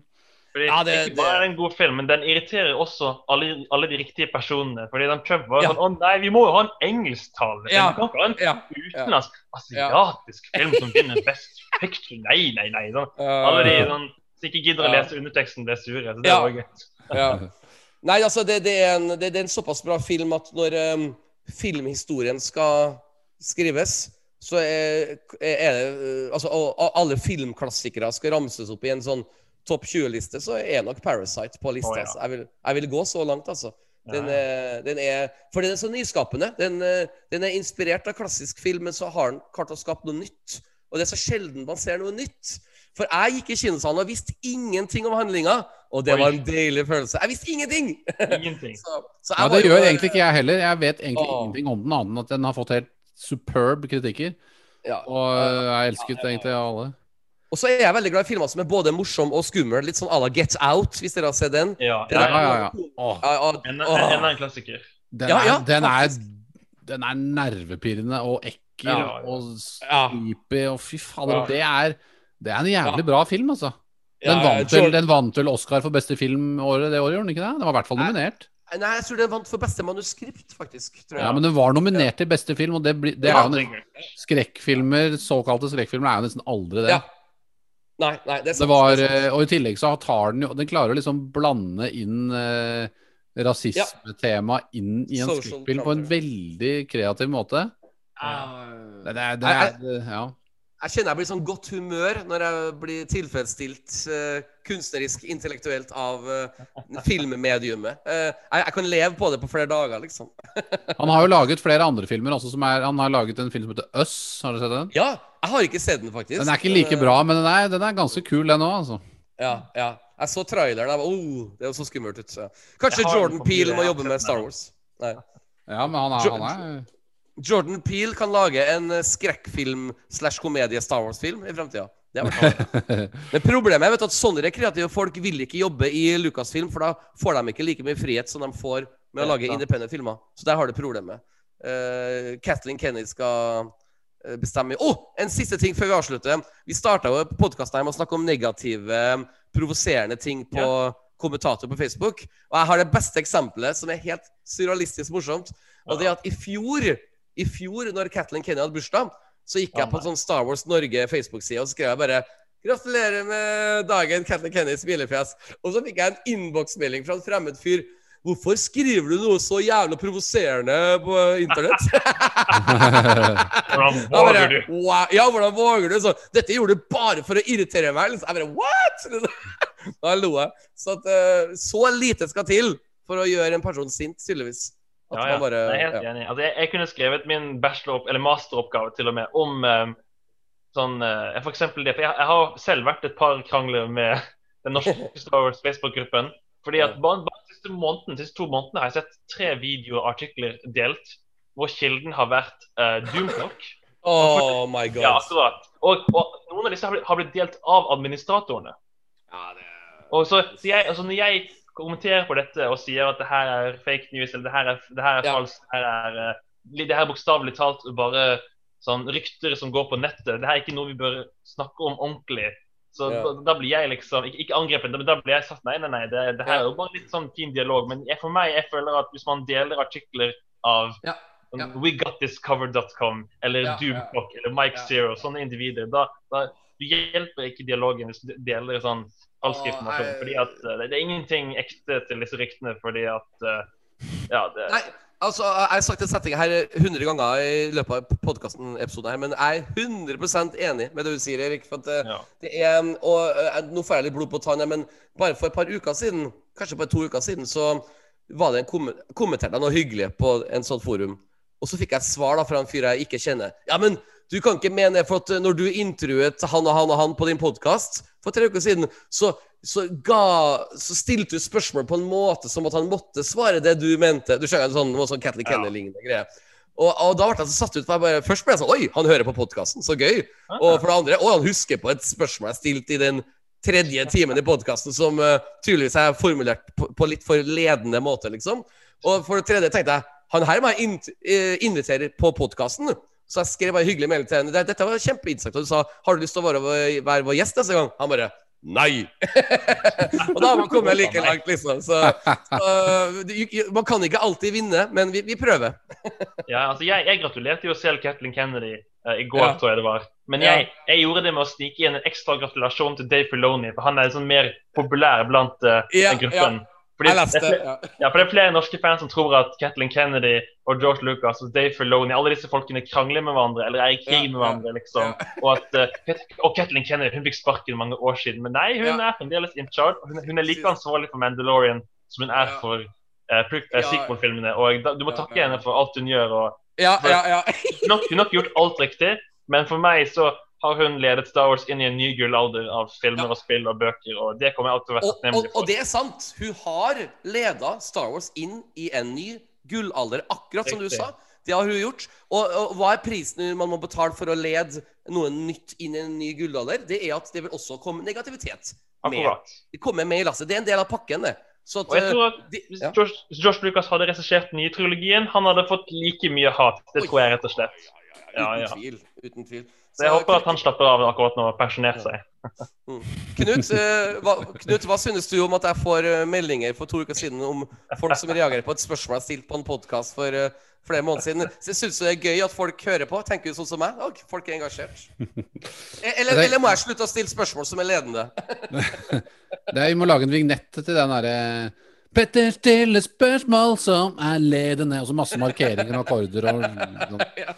Eh, nei, men du er jo mister Du er en slags sånn, uh, en sånn kommentarfelt peacekeeper. The peacekeeper. Jeg, jeg prøver. Jeg prøver. Men Så, det kan eh, provosere, det òg. Det kan provosere, det òg. Ja, det virker som folk uh, tar seg litt nær av det, da. Men jeg tenker at man må jo ha litt Man må jo ha litt positivitet rundt på nettet. Noen, noen liksom bare spre litt glede og Ja. Sikkert, kan, Det kan godt hende at det er naivt, men, men Ja, Ja, det er bare bra, det. Det, det, vi, liksom, verden trenger jo det. Og internett trenger vi, altså, me, Noen mennesker må beskyttelses fra seg selv, nærmest. Altså, for de blir jo Ja, ja, ja. ja, det er sant. Det, ja. det, blir en dårlig versjon av seg selv i kommentarfeltene, og det er veldig unødvendig. Det, den eneste djevelen jeg har i meg sjøl, som jeg vil dele med dere nå, uh, som kanskje ikke jeg er stolt over, uh, det er at um, jeg håper at Kathleen Kennedy er sjef i Lucasfilm i ti år til, bare for å irritere disse Ja. sure guttene. Jeg også, faktisk. Jeg også. Fordi at Jeg vet at mange vil at f.eks. Dave Filoni skal være in charge of Star Wars, Ja. men han er jo allerede med i den kreative historieprosessen Ja. av Star Wars, som er den beste delen. Ja. Han får lov til å lage nye historier. Ja. Han har jo blitt, han har blitt. Ja. ja, han har jo blitt, han har blitt promoted også siden sist vi hadde podkast. Ja, men det, til og med det var litt feil info, for han hadde, hadde jo spilt promoted for et, For et år siden. Ja, ja, ja. Ja, de bare glemte Men- å oppdatere siden, så det var sånn Ja, ja.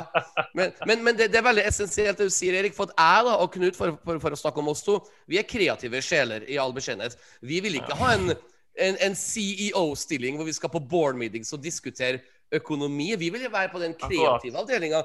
Og det er jo der Dave Filone nå er. Så hvorfor maser folk da om at han skal bli CEO og diskutere liksom eh, eh, hvilke regnfrakker skal ha Star Wars-logo neste år? Altså, du, du skjønner hva jeg mener? Ja, jeg That's not creative. Så det, folk, folk skjønner ikke rollene helt. Mange, mange iallfall skjønner ikke rollene. Ja. Spesielt siden Kathleen Kennedy ble jo valgt ut personlig av George Lucas. Han ville ha henne til å lede Star Wars. Ja. ja. Nei, det der er artig. Jeg, jeg kjenner at vi kan prate om det her i timevis. Ja, men, eh, sikkert. men, men som sagt, eh, Erik, du er hjertelig velkommen eh, tilbake som gjest. Det var en fryd å ha deg her. Virkelig. Yes, tusen takk. Takk, takk. Det er veldig koselig. ja. Jeg håper kjæresten din får litt mindre astma i tiden framover. Det der eh, jeg, jeg vokste fra meg, kan du si. Ja, at Ah. jeg, jeg vokste fra meg. Knut, har du noen siste, ja, har du noen siste visdomsord, Knut? Jeg har det, og det er um, Skal vi se her Jeg må bare finne det fram. Ja, eh, unnskyld, Erik. Jeg, jeg, jeg kan si at vi avslutter alltid podkasten med et Star Wars-sitat. Så vi bare ja. finner på i farta. Jeg har et veldig kort et. Eh, Knut har noe, og du skal få lov til å gå sist, Erik, så du, slik at du får lengst eh, betenkningstid. så, Knut Ja, kan jeg gå fyrer løs. Jeg skal forklare deg hva det betyr også, tror jeg. Watak pekan wunke jabba nagasisi kanshi podomuchi. Ja, Og det betyr eh, Jeg må finne på et eller annet. eh, Ja. Hvis, eh, hvis ikke du klarer å skaffe meg muchi, så må du spise bæsjen til Jabba, betyr det. Det betyr det, vet du. Men da har jeg har et uh, tidenes korteste sitat i dag, og det var et bannord som var med i episode 6 av The Bad Batch, uh, som vi har hørt tidligere i uh, Star Wars, og det var Ichuta! How rude, som R2 da. Nei, som C-3PO svart. Det var i Empire Strikes Back. Og vær så god, Eirik, du har siste ordet. Ja, Skal kortet være sånn alien-språk, eller kan det bare være på godt uh, engelsk? Hva er det hva Du- som du helst? Oversatt til norsk. OK. Altså. Men jeg, jeg er veldig glad i uh, That's not how the force works. Fordi, fordi, fordi du, kan, du kan svare det på hver gang du ser en kommentar i feltet sånn, hvor noen snakker om Star Wars og de sier en Ja. mening som er litt feil eller litt kontroversiell, så kan Ja, du svare ja. That's not how the force works. Sånn. Sånn, og jeg, jeg så en nordmann skrev at ja, Kathleen Kennedy hun hater Mandalorian fordi hun vil ikke den skal være suksessfull fordi det er Ja. konkurranse for hennes you know, Mary Ja. Sue. Og jeg er sånn That's not how the force works. og så har du så klart disse konspirasjonsfolkene som mener at uh, etter Gina Carano fikk sparken i Star Wars, så mista Disney Plus mange abonnenter. Og da lurer jeg på hvordan finner man ut det? Ringer man alle som har avslutta abonnementet? Eh, hvorfor slutta du? Nei, eh, dere sparka Gina Carano. Det er sånn, Det er sånn Doomcock-info som er Ja, fullstendig er feil, ikke sant? Så Vi har over 100 millioner av altså, folk som ser på den. Det er helt uh, ja. rekordmange.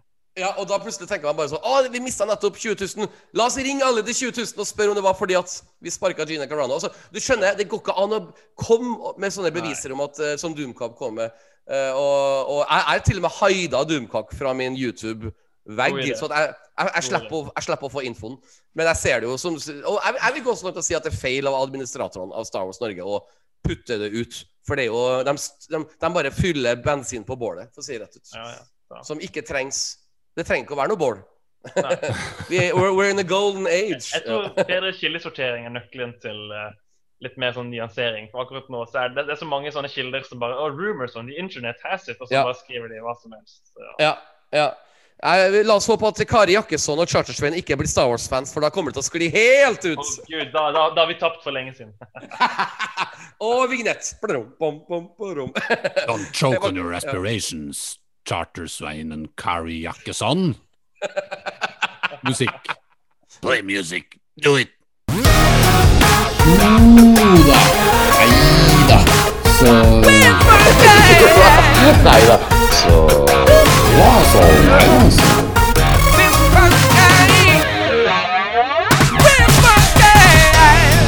Jo da. Nei da. Så Jo da. Nei da. Så Jo da. Nei da. Jo da.